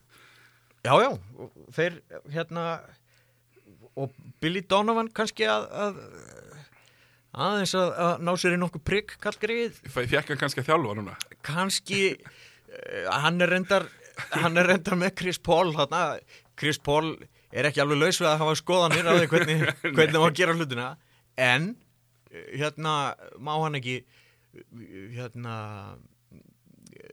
sko, það er svo margt við þetta lið, það eru tveir menn í þessu liði sem að sem að uh, eiga, eiga sennilega skilið að fá afsökunum beðni frá okkur í, í Billy Donovan og, og margir hafa nú öruglega gert grína sröðdernum í gegnum tíðina sko hann er heldur betur að, að sína að, að hann geti hjálpað liðið að vinna körubaltaleiki núna og er, þú veist að tala um Alexander sko, er hérna, hann hlýtur að vera einn af bestu leikmunum deildarinnar sem enginn er að tala um sko. Já, hann búin frábæra, hann er stegastur í liðinu 20 stig í leik og, og, og frábært on-off split Já. hérna, það er líka það er, það er eitt því að Oklahoma ánáttúrulega ágætist það ákveðlega sterkast stuðnismann hópa í Íslandi að því þeir áttu náttúrulega þessi Durant Westbrook ár. Ég sé hann verið sér bara treyjur hérna hangandi röst treyjurnar en þeir treyta sem sagt frá sér. Russell Westbrook fá tvö pick og Chris Paul og tvö pick swap líka fá svo 800.000 pick fyrir hérna, Paul George. Og þeir eru bara á hælunum á Clippers og fyrir over Rockets. Þetta er ótrúlegt sko. Það er alveg frábær, frábær saga og ég, er, ég hérna, fæ ekki nóg að að horfa á þetta lið spila klötsbolta. Hérna, Og þú myndir meiri sér að horfa þó að Chris Paul væri ekki hérna. já, þú veist, þetta er bara, þetta er alltaf aðbúra skemmtilegt að horfa á hann með öllum sem ungu. Þetta er svona, e, þetta er hlið á hann sem ég held að vera ekki til. Já, Þessi svona empowering, Já, einhvern veginn, leita, veist, sér að einhverju með mismats og sendir á, þú veist, ég sé þetta oft í leik, sko, það er kannski Gilgjus Alexander með mismats og Chris Paul hendur á hann boltanum og Gilgjus Alexander kannski gerir ekki neitt og sendir hann bara tilbaka og þá fer hann bara aftur þá sendir hann bara strax aftur Já, bara, ge- bara gerir þetta víst Með, að, sko, ef þetta hefði verið Blake Griffin eða DeAndre Jordan þá hann, þá hefði hann öskrað á það. já, og tekjaði boltan, sko, náði í boltan sko. Færið í sko alveg þryggja manna fílu.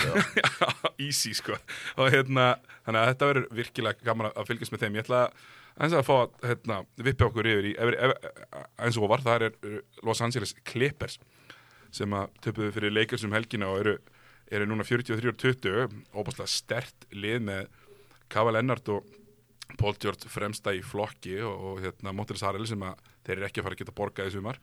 Það verður- einhver peningur sem að fer þar sko.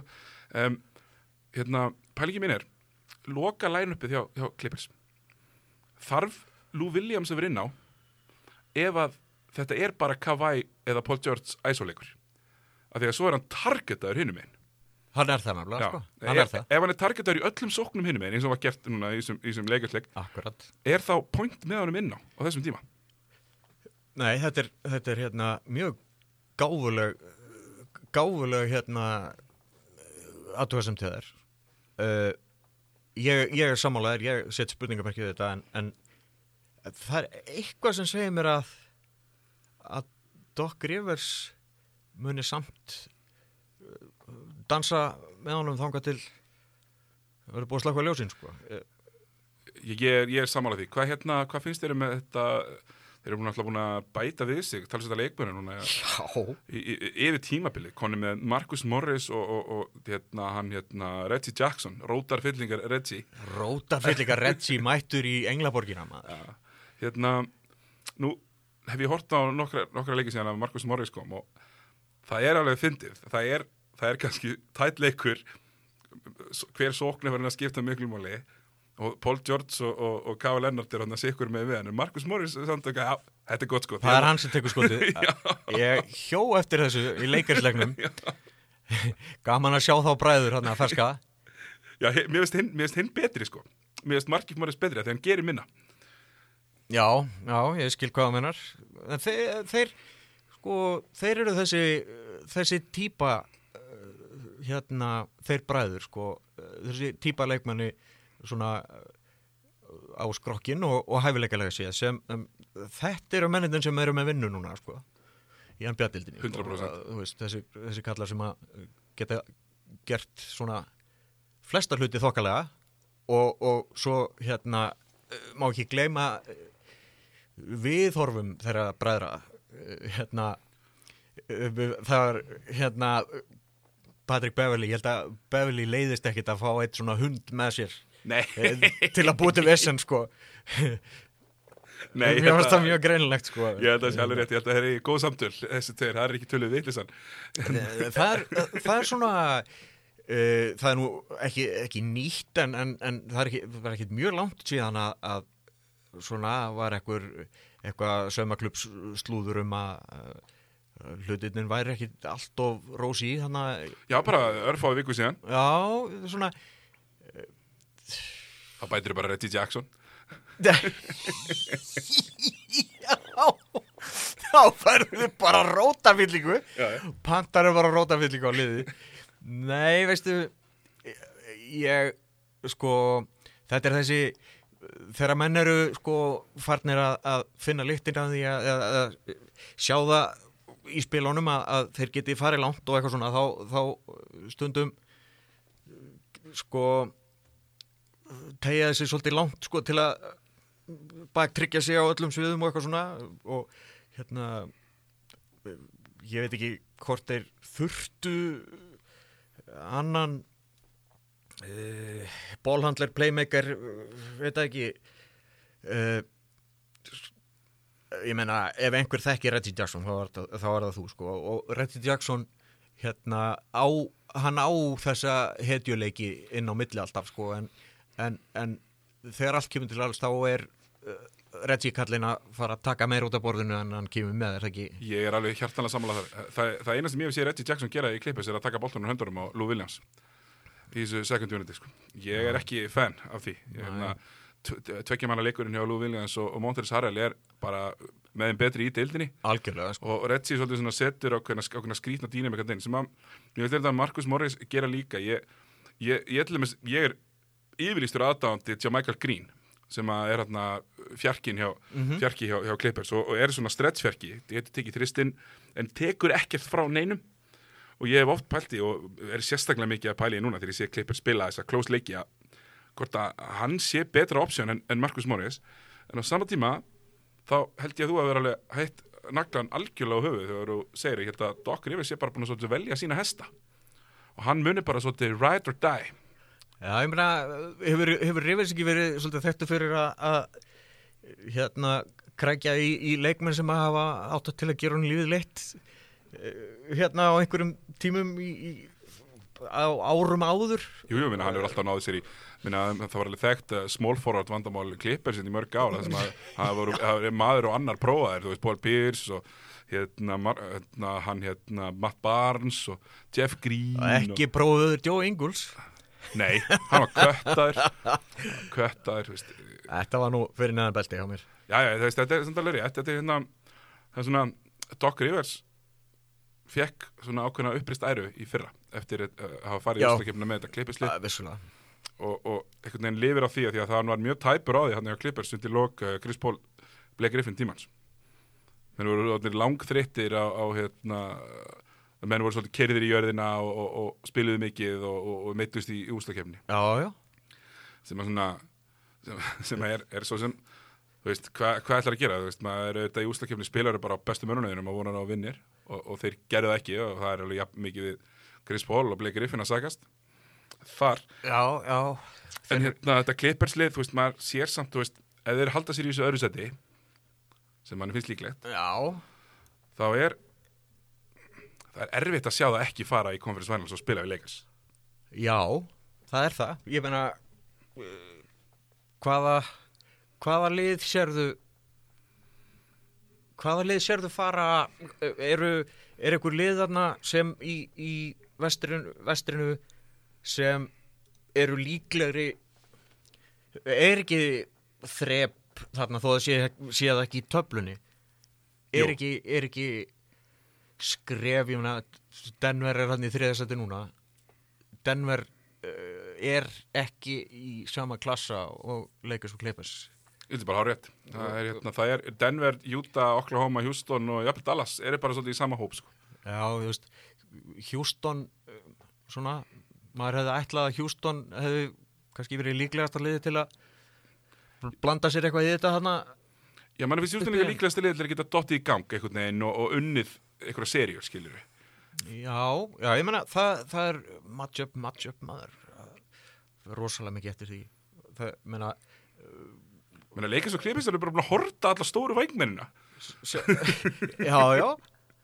En sjáðu, sjáðu bara ég meina það þarf, sjáðu bara ef, að, ef að það er enda búið að breytast núna það er, það er nokkri dagar síðan að Utah og Houston voru í fjögur og fimm Já, ég meina þú tekur Houston já, já. sennilega þar er- hefur alltaf verið ákveð kryptonætt fyrir, fyrir, fyrir Utah, sko. já, já, þó að þó að, Sem Westbrook svo sem hefur ekki verið. þó nei þó að ímislegt sé búið að breytast náttúrulega hjá báðum liðum þá, þá hérna þá hefur, og með hvernig það hefur spilast hjá þeim undanfærin ár, þá, þá myndi maður hallast að, að Houston en, en svo er náttúrulega svo væri náttúrulega dásamlegt að, að, að hérna, fá eitthvað eins og við bara eins og, nei það er staðarendar er ekki þannig núna, það er þið jú, það er þið það er þið Utah og Houston sem að myndi mætast núna Uh, Utah og Oklahoma, myndum við svona 4-5.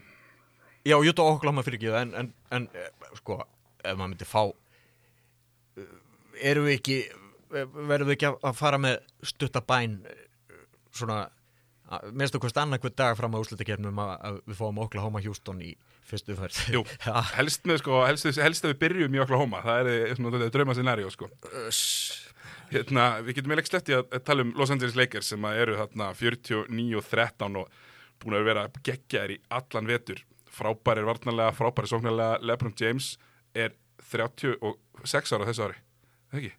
Hann er hvað 84? hann er 35 ára er, er 85? hann er, hann er svona uh, hann er, hann er 9 ára 35 eða ekki Ég held að segja alltaf, hann er alltaf 34, það upp þeir í aldri, hann er 35 eða 36 sko Það, aldurinn skiptir ekki öllu máli, hann er búin að spila fleiri körfuboltamínútur heldur en flestir jarðarbúðar. Samtals, já Hérna, hérna leikir sem náttúrulega eru hérna með Anthony Davis líka og maður sá hérna í þessum leikamóti Clippers að- þarna voru allar stjörnundar samankonar. Kava Leonard og Paul George og, og Anthony Davis og eitthvað sem var samt svona mann finnst okkur að Lebron er bara svolítið bestur sko. Já. Og veist, það, var, það var svolítið þannig og sérstaklega liðin svo Clippers sem að hafa ekki neitt til að mæta honum undir körunni þegar hann fer á stað, er á dræfinu sínu Súbats getur ekkert gert.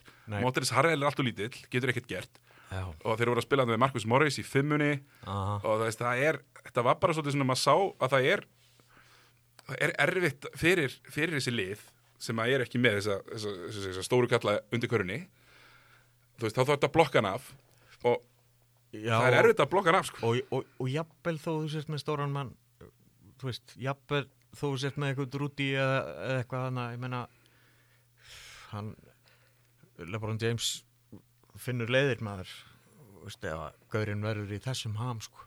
Já, Lebron James náttúrulega, núna er mikið reynd að tala um uh, að Lebron James er komið bara hérna, þétt upp að hlið Jannis Antetokounmpo í, í MVP reysinu Já, ég meina, Antetokounmpo er ekki að, hann er ekki, ekki að búa til forskot akkurat núna, eh, Nei, nei, þó hann sé búin að, hann er búin að gera það í allan vetur. en- já, en þú veitum alveg hvernig þetta er já, já. Þú veist, fyrstu tveir, þrý mánuð þegar að kemur að svona kostingum skiptingum máli. Það, var allir búin að stengla með því. allir búin að stengla og sér bara til dæmis hérna Russell Westbrook, hann var ógeðslega lélugur í tvo hálfa mánuð. Bara hræðilegur. Með óbáslega vonda skotendingu 20% þryggastennýtingu mikið að törnóðurum svo flippar hann einhvern veginn. Þegar hann var MVP. nei núna, þessu Já, tímabili. núna, Já. já. og síðustu tveir mánuðir eða einn og hálfur, búin að vera geggjaður. Og það, þá er hann einhvern veginn geggjaður, skilur við það er hunsa hitt sem er ellegt, skilur við ég hef setið þetta svona í samíki fyrir þess að MVP umræðu. Ef að Los Angeles Lakers sem eru 9 og 1 í síðustu 10 og eru ekkert að slaka á ef þeir fara upp fyrir Milwaukee Bucks eru bara einleiku eftir núna. Er hann þá ekki bara líkleri Jú, ég veist, þeir eru enda með besta rekordi það er reyndar, reyndar sko, það er ekki algjört í þessu en, en hérna, jú, já, það er svo sem gerst en, en það er sko, domnemnd uh, þarf að uh, kannski að standa frammi fyrir því að Jannis sé talsvert betri en hann var þegar hann var, jú, MVP á síðustu leikti uh, og, og verði kannski ekki Já. og velja hann ekki núna þó sem miklu betri en, en það, sko, hérna ef, ef sko, ef Lakers vinnur einum leik fleiri en Milwaukee einum leik fleira það verður, það verður ég hef svo að verði ég hef svo að verði mikil hérna svona eh, tilfinningasemi og, og, og hérna eh, henda einum, einum enn á, á Lebron, Hva, hvað er hann með fjóra, fimm? Fjóra. Fjóra, já. Hann er er sannlega ekki metin hans Karims en, en sem að, það er sex, Já. ég held að það sé metið en það er því sko það, það er því bara enn enn en einn sönnun þess að sönnuninn þess að þessi maður er bara gemvera sko, hann er, hann er ég, hérna talandi um geimurur, bara svo ég hérna, segvegi frá geimurum hérna, það er alltaf svolítið skemmtilega Björn Teitsson vinnur mér komið þess að æfingu um daginn og þetta er eitthvað sem að maður hefur verið svo sem séð áður að hérna, pælingin er sko, þú veist, hvað við fáum Monstars hérna, Monstars úr, úr Space Jam koma og, sækja alltaf hæ, er- hæfileikana? þetta er Simmons. Já, þetta er Simmons, hver, hver, er, hver er hérna til að vinna hennan eina leik? Þú veist, hver, hver er Michael Jordan? Er það ekki LeBron James? Jú, Þú veist, jú. Já, þú veist, og meina, meina fyrir tíðanbilið, já, Já. Kava Leonard. Já, á, jú, veistu Ef það með Bill Murray í liðinu er það þá ekki LeBron James? Af því að hann gefur boltan líka á leveli sem að fáir í, í, í sögunni hafa gert sko. Bill Murray, ég var á svo Dave Murray að Iron Maiden. Það er ekkert skrítið, þetta er metal, eh, metal skúr hérna. Heyrðu eh, Jú, veistu, hérna eh, erum við ekki alltaf með svona eins konar power rankings svona í hausnum á okkur? Bara dag frá degi, svona sem, sem refreshast reglulega Kvæ Leonard er búin að vera með þetta belti. Já, já, eftir úsla kemur í fyrra. Uh, Já. Hann, hann er búin að vera með þetta belti og bara, þú veist og, ekki og, tilvílunar úsla kemur sem LeBron James tók ekki þátt í. Nei, og, og, þú veist, en, en, en hérna það er nákvæmlega ekkert það, það, þú hvað að- rökum allar að beita gegn, til að fella hann að stallinu, uh, já, það er erfitt. Þú veist ég bara, ég bara, fyrir mig er þetta líka svo fyrir tíðanbili hugsaði, LeBron James getur ekkert orðið MVP, það verður Jannis, bara 100% það af því. Að LeBron James er með Anthony Davis í liði og yfirleitt eftir með tvær svona ofurstjörnur þá taka þær svolítið frá hverju öðrum skiluru algjörlega. Steffo kemur durant. En svo horfum maður á Lakers og Lakers, þetta hjálpar þeim líka eru 400.000 sinnum á, á, hérna, á svona marki matchupum. Jú, jú, eru alltaf í sjónvampinu, einhvern veginn eh, sérstaklega eins og í bandaríkjanum, þess vegna alltaf á ESPN og alltaf á TNT, já, já, þegar hann er bara fyrir augunum á fólki meira vissulega þegar maður horfir á leikasleiki og Anthony Davis er þessi stórkostlegi leikmaður og LeBron James er svo miklu betri þetta er já, ekki svo já. Curry og KD þegar maður gæti ekki alveg séð sko veist, ég fann, mér fannst nú Kevin Durant betri en, en það var ekki þessi munur sko. Nei, það, það, það fór líka rosalega mikið út í sko og það var auðvitað það sem mönnum gramdist mest uh, þegar að Kevin Durant fór til Golden State maður.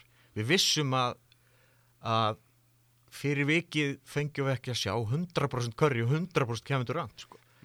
Veist, þeir, þetta var bara ofgottlið og, og þeir, þú veist, bara embarrassment of riches og það segja það er, þetta er bara, já, allt of, allt of mikið á góðum leikmunum þannig að veist, við viljum sjá þessa bestu tegja sig alveg það er bara þannig, það er Alla skemmtilega, leið, sko. það er skemmtilega þannig Eh, ég, þú veist, þegar ég komið hérna í Chris Paul í fimm- 500. skipti mér er gaman að horfa á hann núna það sem hann er aðal kallir sko. það er miklu meira gaman að horfa á hann vera að kallinn heldur en að horfa á hann standa fyrir þryggja og horfa á James Harden sko. Það er svona svipa element sko, þú veist, Algjörlega. einhvern veginn átti margar sóknir sem hann kannski stóð bara eitthvað en, en sko, við höfum séð þetta áður, við höfum sáum þetta 2008 þegar hérna, Lakers vinna New Orleans Hornets í síðasta leik tíðanbilsins og fara einum leik, eða næst síðasta leik tíðanbilsins og fara einum leik upp fyrir. Og þá Chris Paul og Kobe Bryant voru þar í MVP-reysi og Lakers enda einum leik ofar og Kobe er MVP og ég get alveg séð svipa scenaríu hérna. Ef, ef, ef Lakers ná að klára fyrir ofan þá er bara erfitt að segja nei. Já, ég, ég held bara einhvern veginn að, að James er bara það hann er bara sko, fyrir það fyrsta er hann náttúrulega búin að vera ógeðslega góður og, og hann er, og núna he, nú er hann komin komin inn í þessa umræðu með sko eh, nú, nú er allir að tala um sko sjáuðu hvað hann er góður þó hann sé svona gamall og, og eitthvað. Já, sem ég fyndi að því hann droppaði aldrei. Nei, uh, nei, nei, hann, hann- hérna uh, tók sér það best að lefa meiðast aðeins og Já, eitthvað. Já, í fyrsta skipti.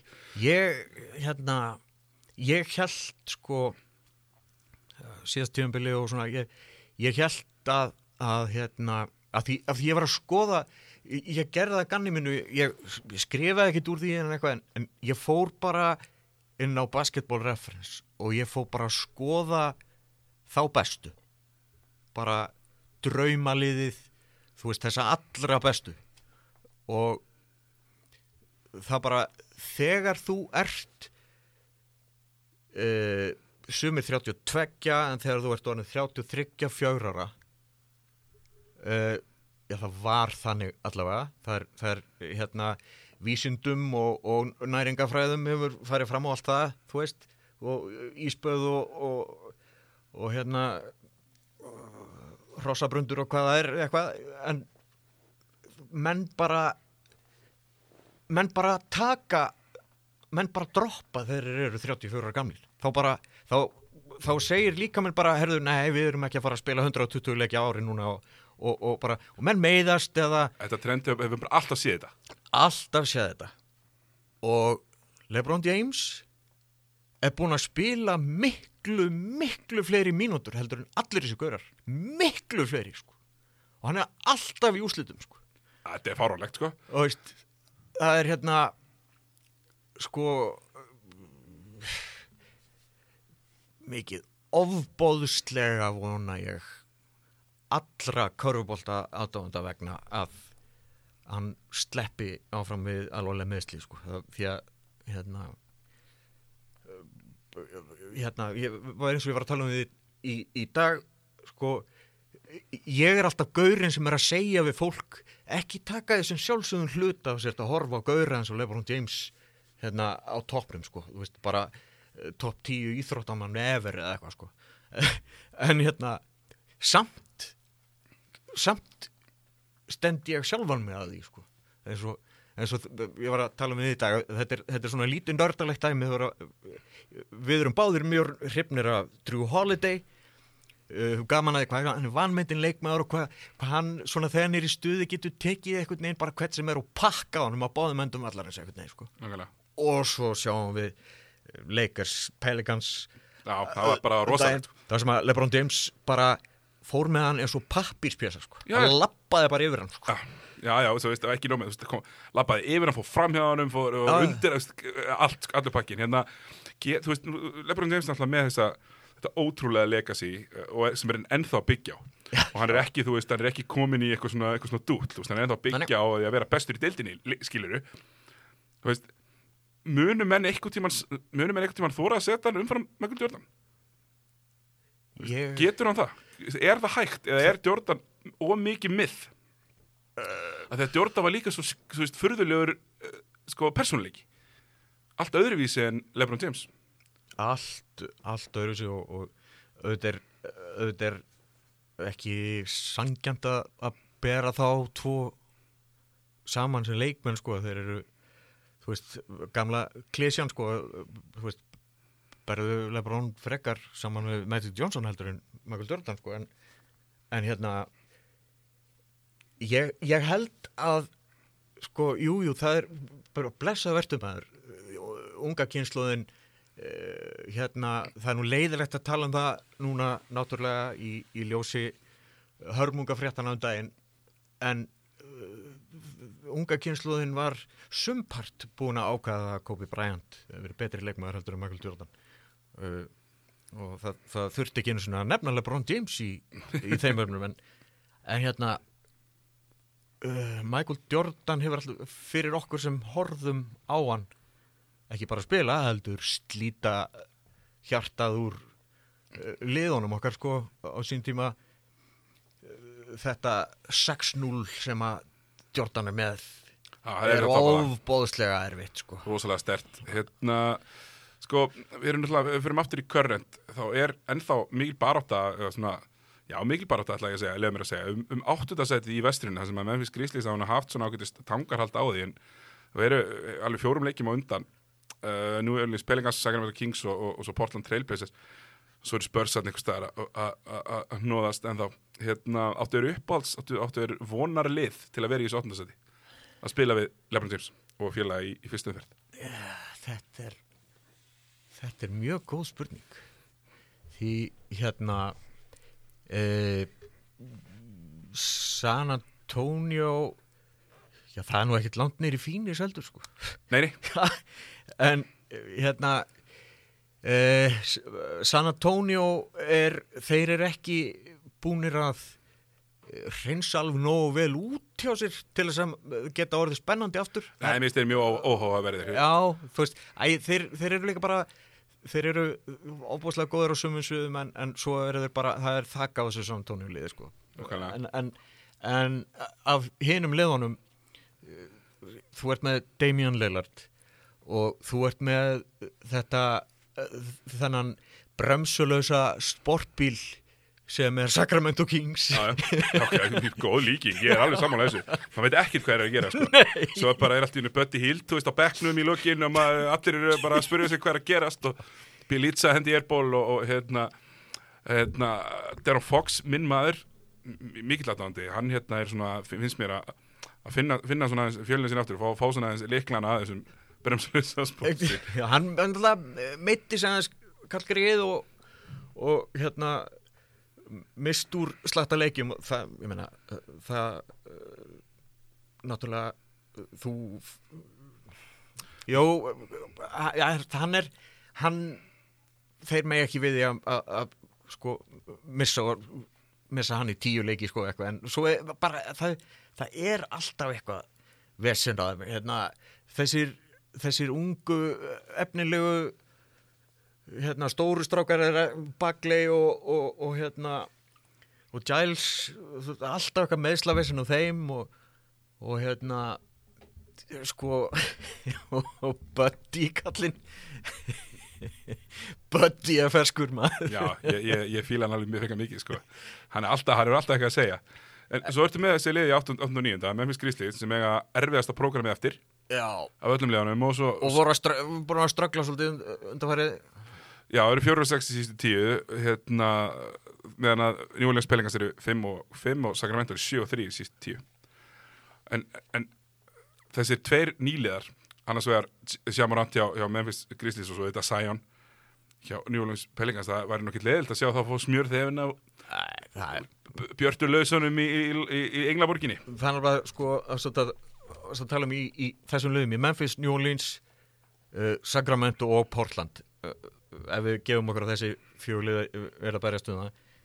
Sko, það, það er eitthvað sem að ég get haft mjög gaman að í, í, í öllu þessu hérna auðmyggja Portlandlið þetta, þetta sko þetta, þetta virðist bara vera eitthvað svo döðadæmt hjá þeim maður, það er alltaf bara það er einhver bara að fara á hækjur bara einhver einustu viku og, og, og svo þegar einhver kemur tilbaka þá meðast bara tveir í viðbútt og Já, ég svo stoppa er ekki neitt og, nei, veist þeir, þetta er þetta er, þetta er leiðilegt hérna þetta Damien Lillard maður, ég get ekki annað en haldi með Damien Lillard og gaman á honum og, og Ég var líka svo mikið að vona því að þú veist Steph Curry var mittist þarna og ég bara vona að Demi Lillard myndi bara svona taka sig á það að vera bara besti gardin, besti point gardin í deildinni og bara svona svolítið taka það svolítið að sér í, í vettur hann gerði þessi nú ansi líklega til þess hérna Já, já, ekki spurning, en það er erfitt þegar það munur í 11. seti, sko. Já, ég meina þeir, þeir sko, þetta er náttúrulega ekki sterkasta eða, eða breyðasta liði heimi fyrir en svo En Nurkic sem ætla að fóra alveg með á. nörkist alveg og, og, og bara Collins, bara Collins þú veist, Já, hann, hann frá í alla Já, vindu þeir eru að treysta á Hassan Whiteside sem er bara ekki winning leikmaður, ég þóli ekki Hassan Whiteside. hann, Hann bara ángar mig, sko. hann er samt hann hefur ferið minna í töðanúmerinn í haust, sko, miklu Já. minna sko Já, það er alveg... verið, segur hann, þú veist er ekki vandræð með að búa til fallega tölfræð allavega, en ég held að, að sko, eins og Jamorant er, er búin að vera sko, eins og maður ekki haft nóg með þessi gemverufræði með, með hérna Luka og Sion og, og þessu hver einast þessar gaurar bara kapitul út af þessu sko, sko Jamorant er það bara eiginlega líka sko Já, mér finnst það líka, þetta er alveg ótrúlega skemmtilegu leikmaður. Því lít svona, en svo viljur, viljur sendingamæður og samt svona tilbúin að vera með smá stæla og lætur minn vita og ég, Já. Ég er mikill reynir að tróði við gírafa sko. Já, ég er mikill, ég er, er alltaf verið sérlegur aðdándi manna sem að eru svolítið fyrir að tala en eru svo líka að spila leikinn sko rétt. mm -hmm, mm -hmm. Það, veist, það er ekki, það ekki trastolk og svo er gert eitthvað rugg, heldur trastolk og svo er bara farið og sett upp í hugulegt kerfi, sko. Já, er hérna þú veist, er mennfisliðið svo sem Þeir eru að fá Jaron Jackson aftur í, í vikunni. já, það, það Það. Ætti að hjálpa þeim mikið. Það er talandum, talandum skemmtilega unga leikmenn maður. Ég, hérna ég myndi setja ég vona fyrir mínan parta ég, ég er ekki bjart sín en ég vona njólíns náðarinn maður. Ég, það er svo, ég er svo hérna það er svo mikið af skemmtilegum leikmennum í þessu njólínsliði Sæján er síning út af fyrir sig. Þinn maður, Jairu Holiday. Drew Holiday er, er við þykir ákálega vantur Drew Holiday og hérna það er breaking news hérna ég er að verða búin að taka Lonzo Ball í sátt Já, það hann þurft að fá Sion og það er djöfull eða gaman. hann, veistu það þessi strákur sko hérna það hjálpar til náttúrulega að að ég er endur ekki lesið mikið verið mikið á, á fréttamiðlum í vetur en, en að- Pappin er bara þögull. pappans grjót haldi kjæfti sko. Já, það þarf bara. en hann er búinn að vera ofsalega dölur Býttu bara, kemur annar bróðir inn í þetta, það verið topp 5 pick núna í, í, í, í, sumar, sko. ég meina top 3 eða eitthvað, á hann ekki vera betri og eitthvað En- sjúter.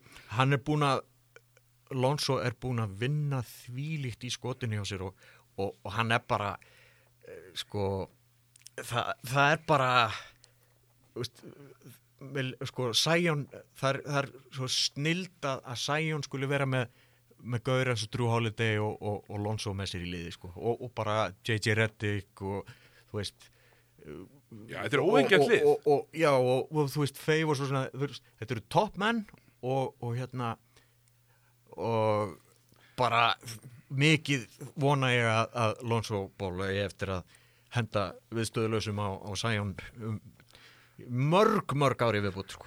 Nákvæmlega, hérna, ég, hérna, ég sjálfur, ég er bara svolítið hrifin af, af þessum Memphis-lið, vona þér haldið svo bara. En, hérna, það voru finnar fréttir núna í vikunni, mjög, mjög finnar, það var hérna, uh, Charles Barkley er búin að vera að gera mikið grína, dreymund grín í vetur. Og Charles Barkley er mikið að tala um þetta sem okkur finnst, og, mér finnst mjög fyndið að, alltaf með triple single. Er Draymond Green búin að vera að spila eitthvað korfbólta? Já, með triple single, Ég- 666 hérna, alveg, hægri vinstri. Ég ekki hugmynd að ég, alltaf Æ, Draymond, ég, var, ég var í fyrsta skipta kveiki á Golden State núna eftir að litla grútið okkar komið tilbaka sko. Já, Draymond Green svaraði fyrir sig, eins og hann gerir nú alltaf hann sagði sko að hann sagði að, að, að Charles Barkley þetta þegar hans kem hann þegar hann hætti og tæki starfið af honum og hérna já, og, og sagði síðan að hann væri með hérna, þrjá ringi og Barkley geti ekki setið við sama borð og hann. Ó. og hérna Charles Barkley, hann þegir ekki heldur og svaraði aftur fyrir sig í dag og það er, byrjaði náttúrulega á því að, á því að segja að Draymond Green væri með útvarpsandlit. Sem, sem er ógislega gott. Og, og, hérna, og fylgir í svo eftir með að segja sko að, hérna, að hann sé, Draymond Green hafi verið í, þessu frábæra góðu steitli, verið kannski fjörði besti leikmaðurinn og væri bara, þú veist, hérna, lélegasti gurinn í bóibandinu. Þú veist, þegar, þegar alla stelpunna væri að öskra þá held hann að væri fyrir sig en það er fyrir Justin Timberlake, sko. þú, þú ert, hérna, þú ert eitthvað gaur hérna í, og ég, ég fór að fann svona nokkuð bóiband og ég, ég fór að að gera spínu grína að þá er uh, Charles Barkley svona eins og Addi fannar í skítamóral og, og, og hérna og þá er Draymond Green Herbert Viðarsson bassalegari. Og, og hérna ég var með það voru á fleiri sko, það var hérna var, Charles Barkley var hérna Robbie Williams í, í, í Take That. Og hérna sem eiga hérna Want you back for good Já, jésús. rosalegt lag. Og, og hérna þannig að pælingin var sko að þá var ég hann þá var ég Draymond sko Justin Timberlake og eh, fyrir ekki Barkley Justin Timberlake í, í einseng og Draymond var þá Chris Kirkpatrick sem að enginn er hýrt um. Nei. og Bar Barkley er Robbie Williams og Draymond er le- maður að nafni Jason Orange. Þú ert kannski það er kannski verið það er kannski verið betra að fara fyrir þig í einhvern, góðan metal þú veist það var, það hérna þetta James, það James Hetfield. Það var hérna Barkley James Hetfield og, og, og hérna Draymond Green er Lars Ulrich, sko. já, eitthvað svona sko Já, eða Kirk Hammett, sko. já, Kirk Hammett, eitthvað svona aðeins minna þekkt nafn og, Nei, já, þú veist, já, eh, menn, menn að, náttúrulega það er verið í, í tísku í 20 ára að gera grína Lars Ulrich fyrir að vera Dani hræðilegu, já, hræðilegu trómari, en hann er kannski ekki hræðilegur en já, svona, hann er ekkit, hann er ekkit, hann er ekkit rosalegu live, En já, veist, þetta, mér finnst þetta, ótrúlega skemmtileg líking og, og, og þú veist, það er ekkit fyrir mig, þú veist, þú tekur ekkit burt sko framlagt Raymond Green til þess að meistaralega með töföldu varnamæður ársins multiple all-star, uh, þú veist, fl- flottu leikmaður en þú ert að, þú ert að, hann samt getur ekki búið sér saman við Charles Barkley. Enga veginn. En hérna bara epli og appelsínur eiginlega sko. Epli og appelsínur. Já, þú veist, í hierarki topp 50 leikmanna sögunar þar er Charles Barkley hérna í, jafnvel, í, svona nálætt efripartinum í 25 og Draymond Green er eitthvað staðar hérna ekki á þeim því blaði. Nei, Draymond Green hérna fægir skartgripi meistararhingi og, Já, og, á nóttunni, sko. og dollur og svona sko. Og, og hérna og þú veist og færi, færi og búin að fá okkar borgað líka en, en þetta er bara það er ekki það er ekki margir leikmenn sem að hérna, njóta þess munaðar að fá að velja velja um svona þessi pakki sem að Dremond Green er búin að vera í lígilegur sko en uh, það er alltaf alltaf skondið hvað ef að setja setja menna svo Draymond Green í, í hérna Fyrir setjum við bara heim til Michigan, í Pistons. Philadelphia 76 1987 eða eitthvað sko. Það er, það er uh, ég ætla að vona að báðir séu bara mjög, mjög ánæði með sitt hlutskipti sko. Báðir, báðir hafa skemmt mér konunglega. Ég, ég er gríðarlega aðdáðandi begja Og þess vegna er líka gaman að þið séum með kjaftin opinn Ég- algjörlega, ég- ég meina það, það er náttúrulega það Allt- sem þeir eru þekktastir fyrir. Já, ég meina, allt bíf er gott bíf Algjörlega og, og þeir, þeir hérna vita, vita báðir hvað hérna, tunga í kinn þýðir þessi tveir og, og hérna en bustið frá því held ég að er það bara nokkuð nokkuð svo vittlus kenning? Þannig tíu ár síðan að Charles Barkley þykist eh, að vera hundlegur að vera í sjónvarpi sko. Uh, það væri kannski ekkert svo galið bara að- að að Draymond tæki bara við að Barkley. Það verður ekki bara ágætist tímasetning Man finnst það eitthvað svona eins og svona, sé svona organic uh, breyting, svona, eiginlega make a sense. Það gerir það uh, það fer engin í skóna hans Charles Barkley. Í, í, í já, hvergi nokkuð staðar náttúrulega. Nei, nei, en, en þarna í sagt, þessi stallur sem hann er á sem sjónvarsmaður eða sem, sem maður sem er tekin upp á vídeo að uh, seg, segja brandara eftir að hann fær sér nokkrar góða bjóra og horfir á körubólta hérna það er þú veist, stutt síðan ég var að lesa að verða 30 ára gamla grein um uh, Charles Barkley og, og, hérna og hann var í all interview team sko. Já, og, og er talum að það, þar sko hvað hann hérna uh, hann náttúrulega sprakk út hérna með, með uh, varð mega, ultra megastjarna með draumaliðinu og, og, og, og, svo, svo hjá jú. og hérna það er svona fekk hann að njóta sín hann, hann hérna þetta var alltaf alltaf var svolítið, svolítið neikvæðum nótum hérna í, í Philadelphia, sérstaklega í síðustu árin We have a bad team. Alltaf en Barkley Barkley er, er snillingun og, og hérna að ætla að transitiona eh, úr, úr, hérna, ekkit úr sjónvarpinu, heldur eiginlega bara áfram í sjónvarpinu. Það er hérna, Daryl Morey var í vittali í, í síðustu viku.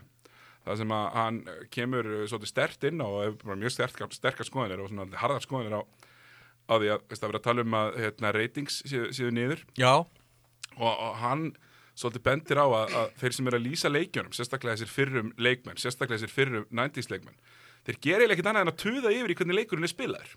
Það er það er alveg drullu mikið til í því sko. Já, og, og, og þú veist ekki bara það heldur, heldur var líka þetta komment sko, sem, að, sem að honum finnst honum, Mori finnst óþólandi að það var hérna þetta, þetta með að þú veist, svo kannski á ykkur eitthvað frábært og gerir eitthvað óbúslega gott og þá eru þessir sérstaklega þessir 90s leikmenn og, og svona early 2000s tímak og ykkur svona þá eru þeir mættir og segja nei, það skiptir eitthvað máli. Hvað gerir í úslakefni að, Já. að, að, að regular season skiptir einhvern veginn ekki máli. Og núna ert þú svona fellow lúði eins og ég. Jú. Ég hef óbúslega gaman af regular season Ég bara ég liði fyrir regular season sko. uh, ég, það, er, það er allt annar ég maður það bara að meta það fyrir það sem það er skilur Já, það það er, það er allt öðru vísi en úrslitakefnin Úrslitakefnin er auðvitað að það er öðru vísi uh, spennugsti og, og stemmari. Það er bara klísjan segir það er bara annað mót það er annað mót þú veist. Svipuð íþrótt en sama mót. Og ég er sko halló, þú ert að tala, um- tala um gaur sem að sem er hérna vakandi allar nætur að horfa á prísísónleiki skilur og sumardeldina skilur það er hérna, það þarf ekki að segja mér neitt um og ég hérna bara legg mikið upp úr, upp úr því og mér, mér finnst jú, að ég, ég, ég hef alveg gefið hérna liðum ég hef alveg verið að skjóta á liði eins og Toronto og svona, þú veist já, já, frábært hjá okkur að vinna 50 leiki núna og svo, eh, þú veist, skítið á okkur í úrslutakefni og eitthvað. Þetta kemur maður með svolítið fíl og annars lægi, sko, en en, en sko, það sem að maður hefur gaman að við þetta er bara þessi daglegi þe- þessi, daglega skemmtun þessi daglegu pælingar og ég meina það sem að ungir leikmenn koma og gera hluti það sem að, það sem að leikmenn skora 50 stig þú veist, það gerist ekkert oft í play-offs. Það sem að kannski, þú veist, James Harden kemur að með 55 og 15 þú veist, ég, ég er rosalega gaman að þeim. Ég veist hindpunturinn, hérna, sérstaklega áhafur það er þetta með að að tala niður produkti sem þú ert að reyna að selja já, Þú veist, Jeff Van Gundy kemur yfir í sjónvapinu og hann gerir ekkert nema kvarta sko. gerir, það er, það er reyndar og Mark Jackson kemur og gaggrínir, gaggrínir í alvörinni annarkvæð þryggjastæð sem er tekið sko. Já, og ég held reyndar að, að e, sko þessi hérna eh, grumpy old man sé, sé bara orðin partur af bara stikkinu hans Jeff Van Gundy sko. Já, ekki spurning, hann er að leita. Hann er búin að skrifa niður nokkra hluti fyrir hvert leik sko. Alveg örgulega sko. Og, hann sko hann svona svona oftast oftast sko tala nú af virðingu svona um, um leikmenn og sérstaklega þjálfara náttúrulega. Hérna gaman, að- gaman að sjá hérna bróður hans svona byrjaðan byrjaðan í þessu líka. það er já, gaman honum sko. Það er, það er alveg brottur í honum sko. Já, brotur, mi- mikla svona, svona, svona leikkerfispælingar og svona reynda spá fyrir um hvað er að fara að gerast næst og svona. Já, hann er að koma svolítið inn í þetta eins og hérna í NFL-deldinni Tony Romo kom og varð bara sem við fyrir um leiksundandi uh, Detroit Lions langum að segja, nei Dallas, sorry, Dallas Cowboys. Og hann kemur inn og er núna langvinnsælasti analýserinn í NFL af því að hann elskar leikin eins og hann, hann dyrkar hann, hann er ekki að segja nei, back in my day, þá gerum við þetta svona, skilur við. Já, hann er, hann er að taka Gary Neville á þetta Já, svolítið. algjör, Já, algjörlega, þú veist, bara svona fara og vera ógeðslega jákvæðar, ógeðslega svona ánægð með þetta og ég, ég, ég beði eiginlega bara minni Jeffan Gundi og meiri Doris Burke, því hún elskar leikinn, sko. Doris maður, Já, kidding me sko og hérna uh, vinkona hjá Nets maður já það, það eru hérna tvær, þrjár, tvær, Ég- þrjár konur sem, að, sem að eru svona koloranalist hjá, hjá liðum. Ég er svo mikill auðli, ég man ekki hvað hann heitir. Nei, hún er fyrir hún leikmaður. Uh, hérna, skemmir ekkit að hún er afar huguleg sko. Hérna, hún er með, definitely með andlit fyrir sjónvarp. Og, og hérna uh, lætur Æjan Ígul með sér að líta vel út sko. En hún er bara uh, hérna, það er bara brottur í henni hún er með skoðaninn, hún veit hvað hann er að tala um og, og bara bara, bara fleiri konur inn í þetta. Já, definitely sko. fleiri konur inn í þetta og, og meiri ást, sko. ég vil bara meiri ást. já, Ég vil að, ég vil að það sem er að, ég kem alltaf með sömu líkingu. Þetta eru gæðarnir sem eru að reyka búðinir í miðbæ og eru alltaf að segja að það kemur enginn á ljóðin. það er ekki bílastæði. já, já, já, já. Veist, þetta getur ekki verið jákvæmt sko fyrir, fyrir hérna, re reksturinn á, á, á, á hlutunum, skilur Og ég, ég hérna, mér finnst líka bara gaman að, Darryl Morey, sem að ég held að séu svona 0% líkur á að verða með vinnu hérna hjá Houston Rockets eftir þetta tímabil, eftir, eftir hérna fíaskoði hjá honum í, í, í, sömar eða fíaskoði, ég er svo sem ekki ósamála manninum sko, en hérna það er náttúrulega kostaði tiltina ótrúlegar tekjur. Og, og hérna það er gaman að hann hafa komið bara og sé svolítið bara svona mæti viðtölu og segja hlut Ég, ég held í alveg að vera að tala um Russell Westbrook. Nei, nei, nei, nei, nei, nei. Nei, ég, ég skil hvað mennar Annað í þessu hérna, ég hef ekki skilning á uh, áhorstölum sérstaklega í bandaríkjunum þar sem að við vitum að það eru doktoraðar til og frá eftir henduleika eins og áhorundatölur og eitthvað svona. En Já, er, að, hérna, það var einmitt eitthvað að gera grínaði sko að uh, ef að þau út af koronavírusnum muni hérna muni hérna Dallas Mavericks spila fyrir luktum dyrum. Það er samt fullt í öllum, allir tölfræði. Það er sellátt hjá Dallas núna þetta séu 15 ári röð. Já, já, já, já. Það breytist ekkert sko. En uh, hérna Svo, svo verður náttúrulega að taka með í reikningin og kannski búið að gera það, ég veit það ekki en, en uh, heldur að hafi ekki áhrif á uh, áhorstölur og, og, og hérna og stemmara þegar að uh, sjáðu bara uh, síðasta hálfa til heila almanagsár þar sem að uh, Lebron James fer ekki í úrslitakefni meiðist og er frá í langan tíma og svo er svona uh, svo bara tala íslensku með það svo svo er bara svolítil bömmir í úrslitakefni og í, í loka úrslitum bara meðsla bömmir sko og hérna stórveldið sem þó að allir þykist hata stórveldið þá, þá, þá er áhorf í stórveldum eins og Golden State. Ég myndi rýnda þessi í tölunar sko. Ég, er svolítið gaman að því. Hérna, Ég er í meistarinn í tölfræði og er mikið að stúdira mikið rétt. Já, og hérna e, það er næstu þetta að útskýra allt áhörðstroppið með Golden State. Þar er áhörðið algjörlega hrunið. Bæði, bæði sko mætingin og svo náttúrulega voru byggust menn sko við ok, Steff verður hérna, það verður veistla hjá Steff.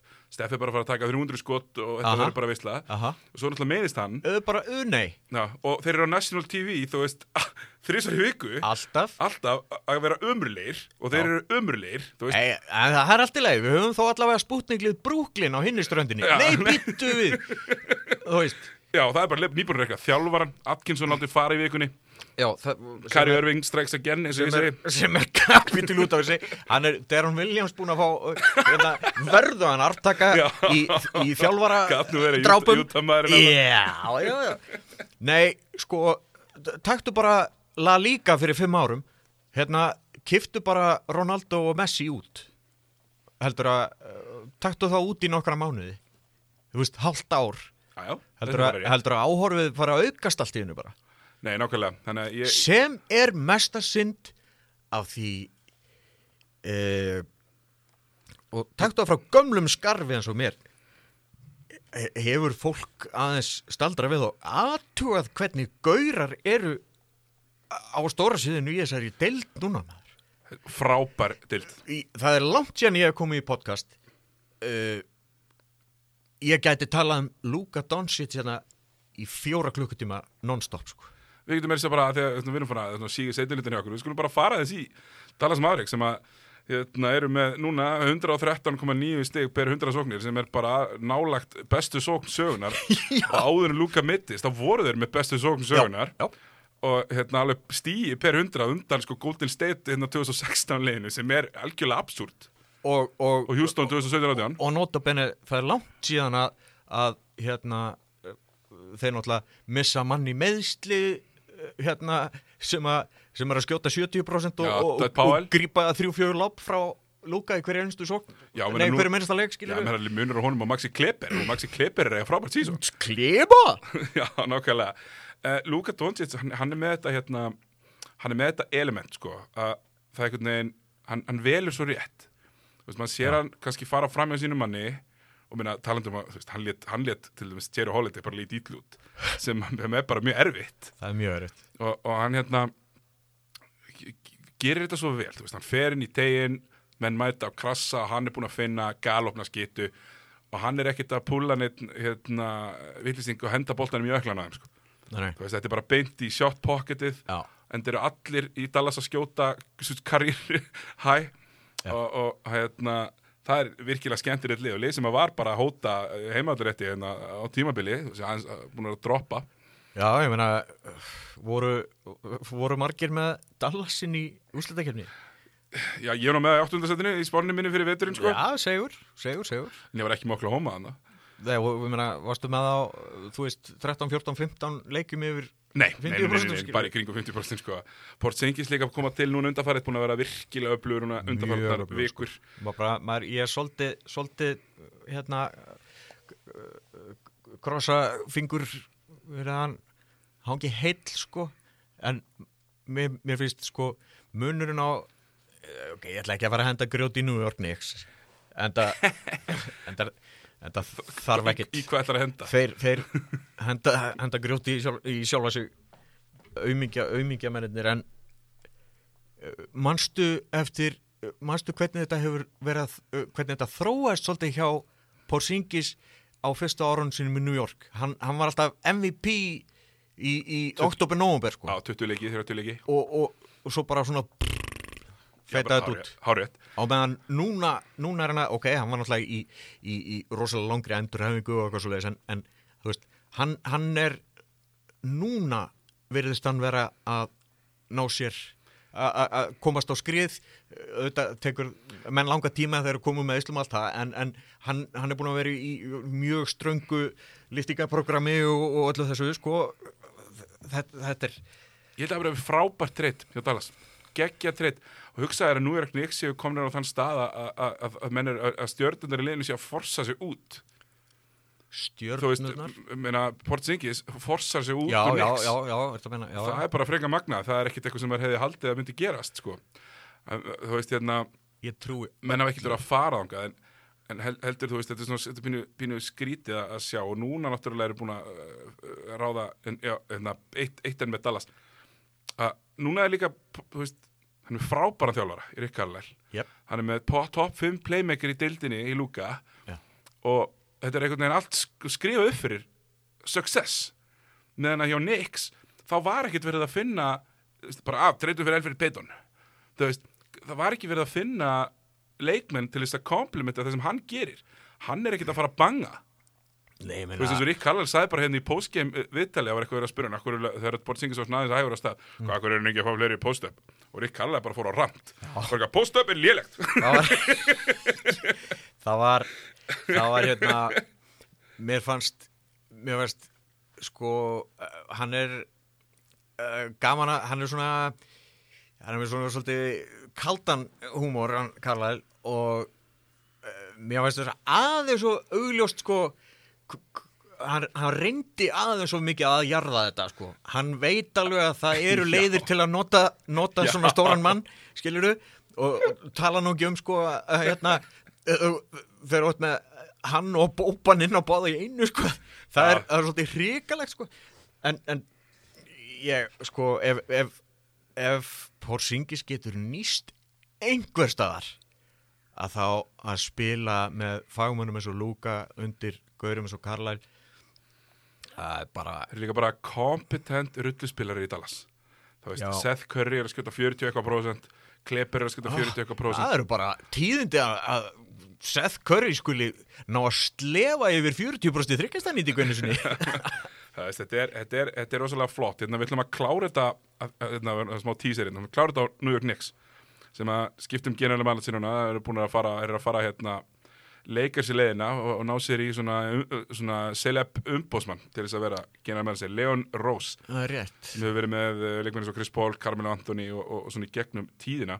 Nú ert þú gamall í hettunni, Baldur, mm það er vægt sér til orða tekið, þá hérna, þá ert þú búin að vera að horfa á New York Knicks síðan árið 1990 eða fyrr, skilur Hérna, Spike Lee er búin að vera svona dálítið, fasta punktur í, í tilveru Knicks núna í mörg ár, áratugi. já, já.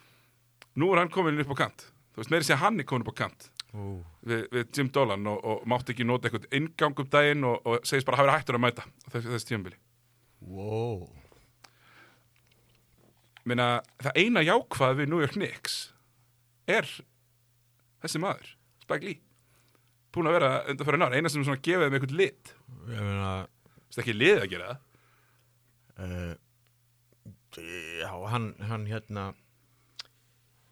já hann hérna leikari heitinn hérna uh, æ, manni hvað hann heitir hérna, hann, hann var líka hérna duglegur að mæta hérna eh, eða leikari hérna rauðfærið þykki hérna sem að dópaði sig hel hérna, Uh, Seymour Hoffman já, hann var hérna þegar ég var hérna sko. og hann þeir, þeir eru með þeir eru með klætt já, já, þú veist, sko, þeir eru með besta broadcasting liðið í NBA. vissulega Uh, Clyde og Mike Breen. og þeir eru með sögufræga höll þeir eru með, þeir eru með uh, áhörundur sem sko sem er hérna uh, gáfaða áhörundur áhörundur sem, sem þekkja leikinn og eitthvað svo en uh, ég eru eru stuðnismenn New York Knicks ekki að verða pínlítið eins og íslenskir kjósendur?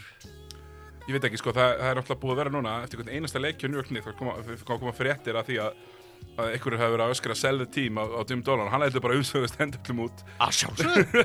Svo eh, svo bara hérna eh, bara finnur hann einhverja gamla þú veist bara Anthony Bonner eða, eða eh, Chris Childs eða einhvern og, og, og bara kaupir hann dagum pela vodka og, og býður um á leik og, og eitthvað það er allt í lagi hér. Sjá hann sitjandi þetta með sprível og eitthvað sko. lendur på kant við, sko, hérna á tveggja ára tímambil, lendur på kant við, bæði Oakley og uh, Spike Lee, það er Elíð Sárek Charles Oakley hérna það að kant, sko, það ekki mjög. Eh, Charles Oakley sko eh, hann hérna svona, maður hefur á tilfinninguna að, að svona, það sé ekkert allt alveg, allt of rósi hjá Oakley kallinum uh, og svona, svona, svona kannski svona ekki, kannski sopin svona, helst til góður.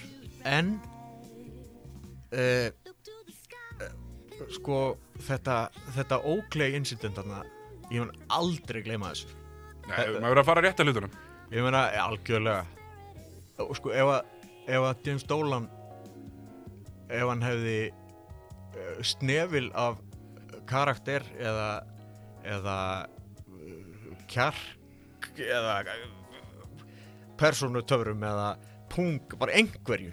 Þá var það bara farið og talað við mannin sjálfur maður. Það held ég líka.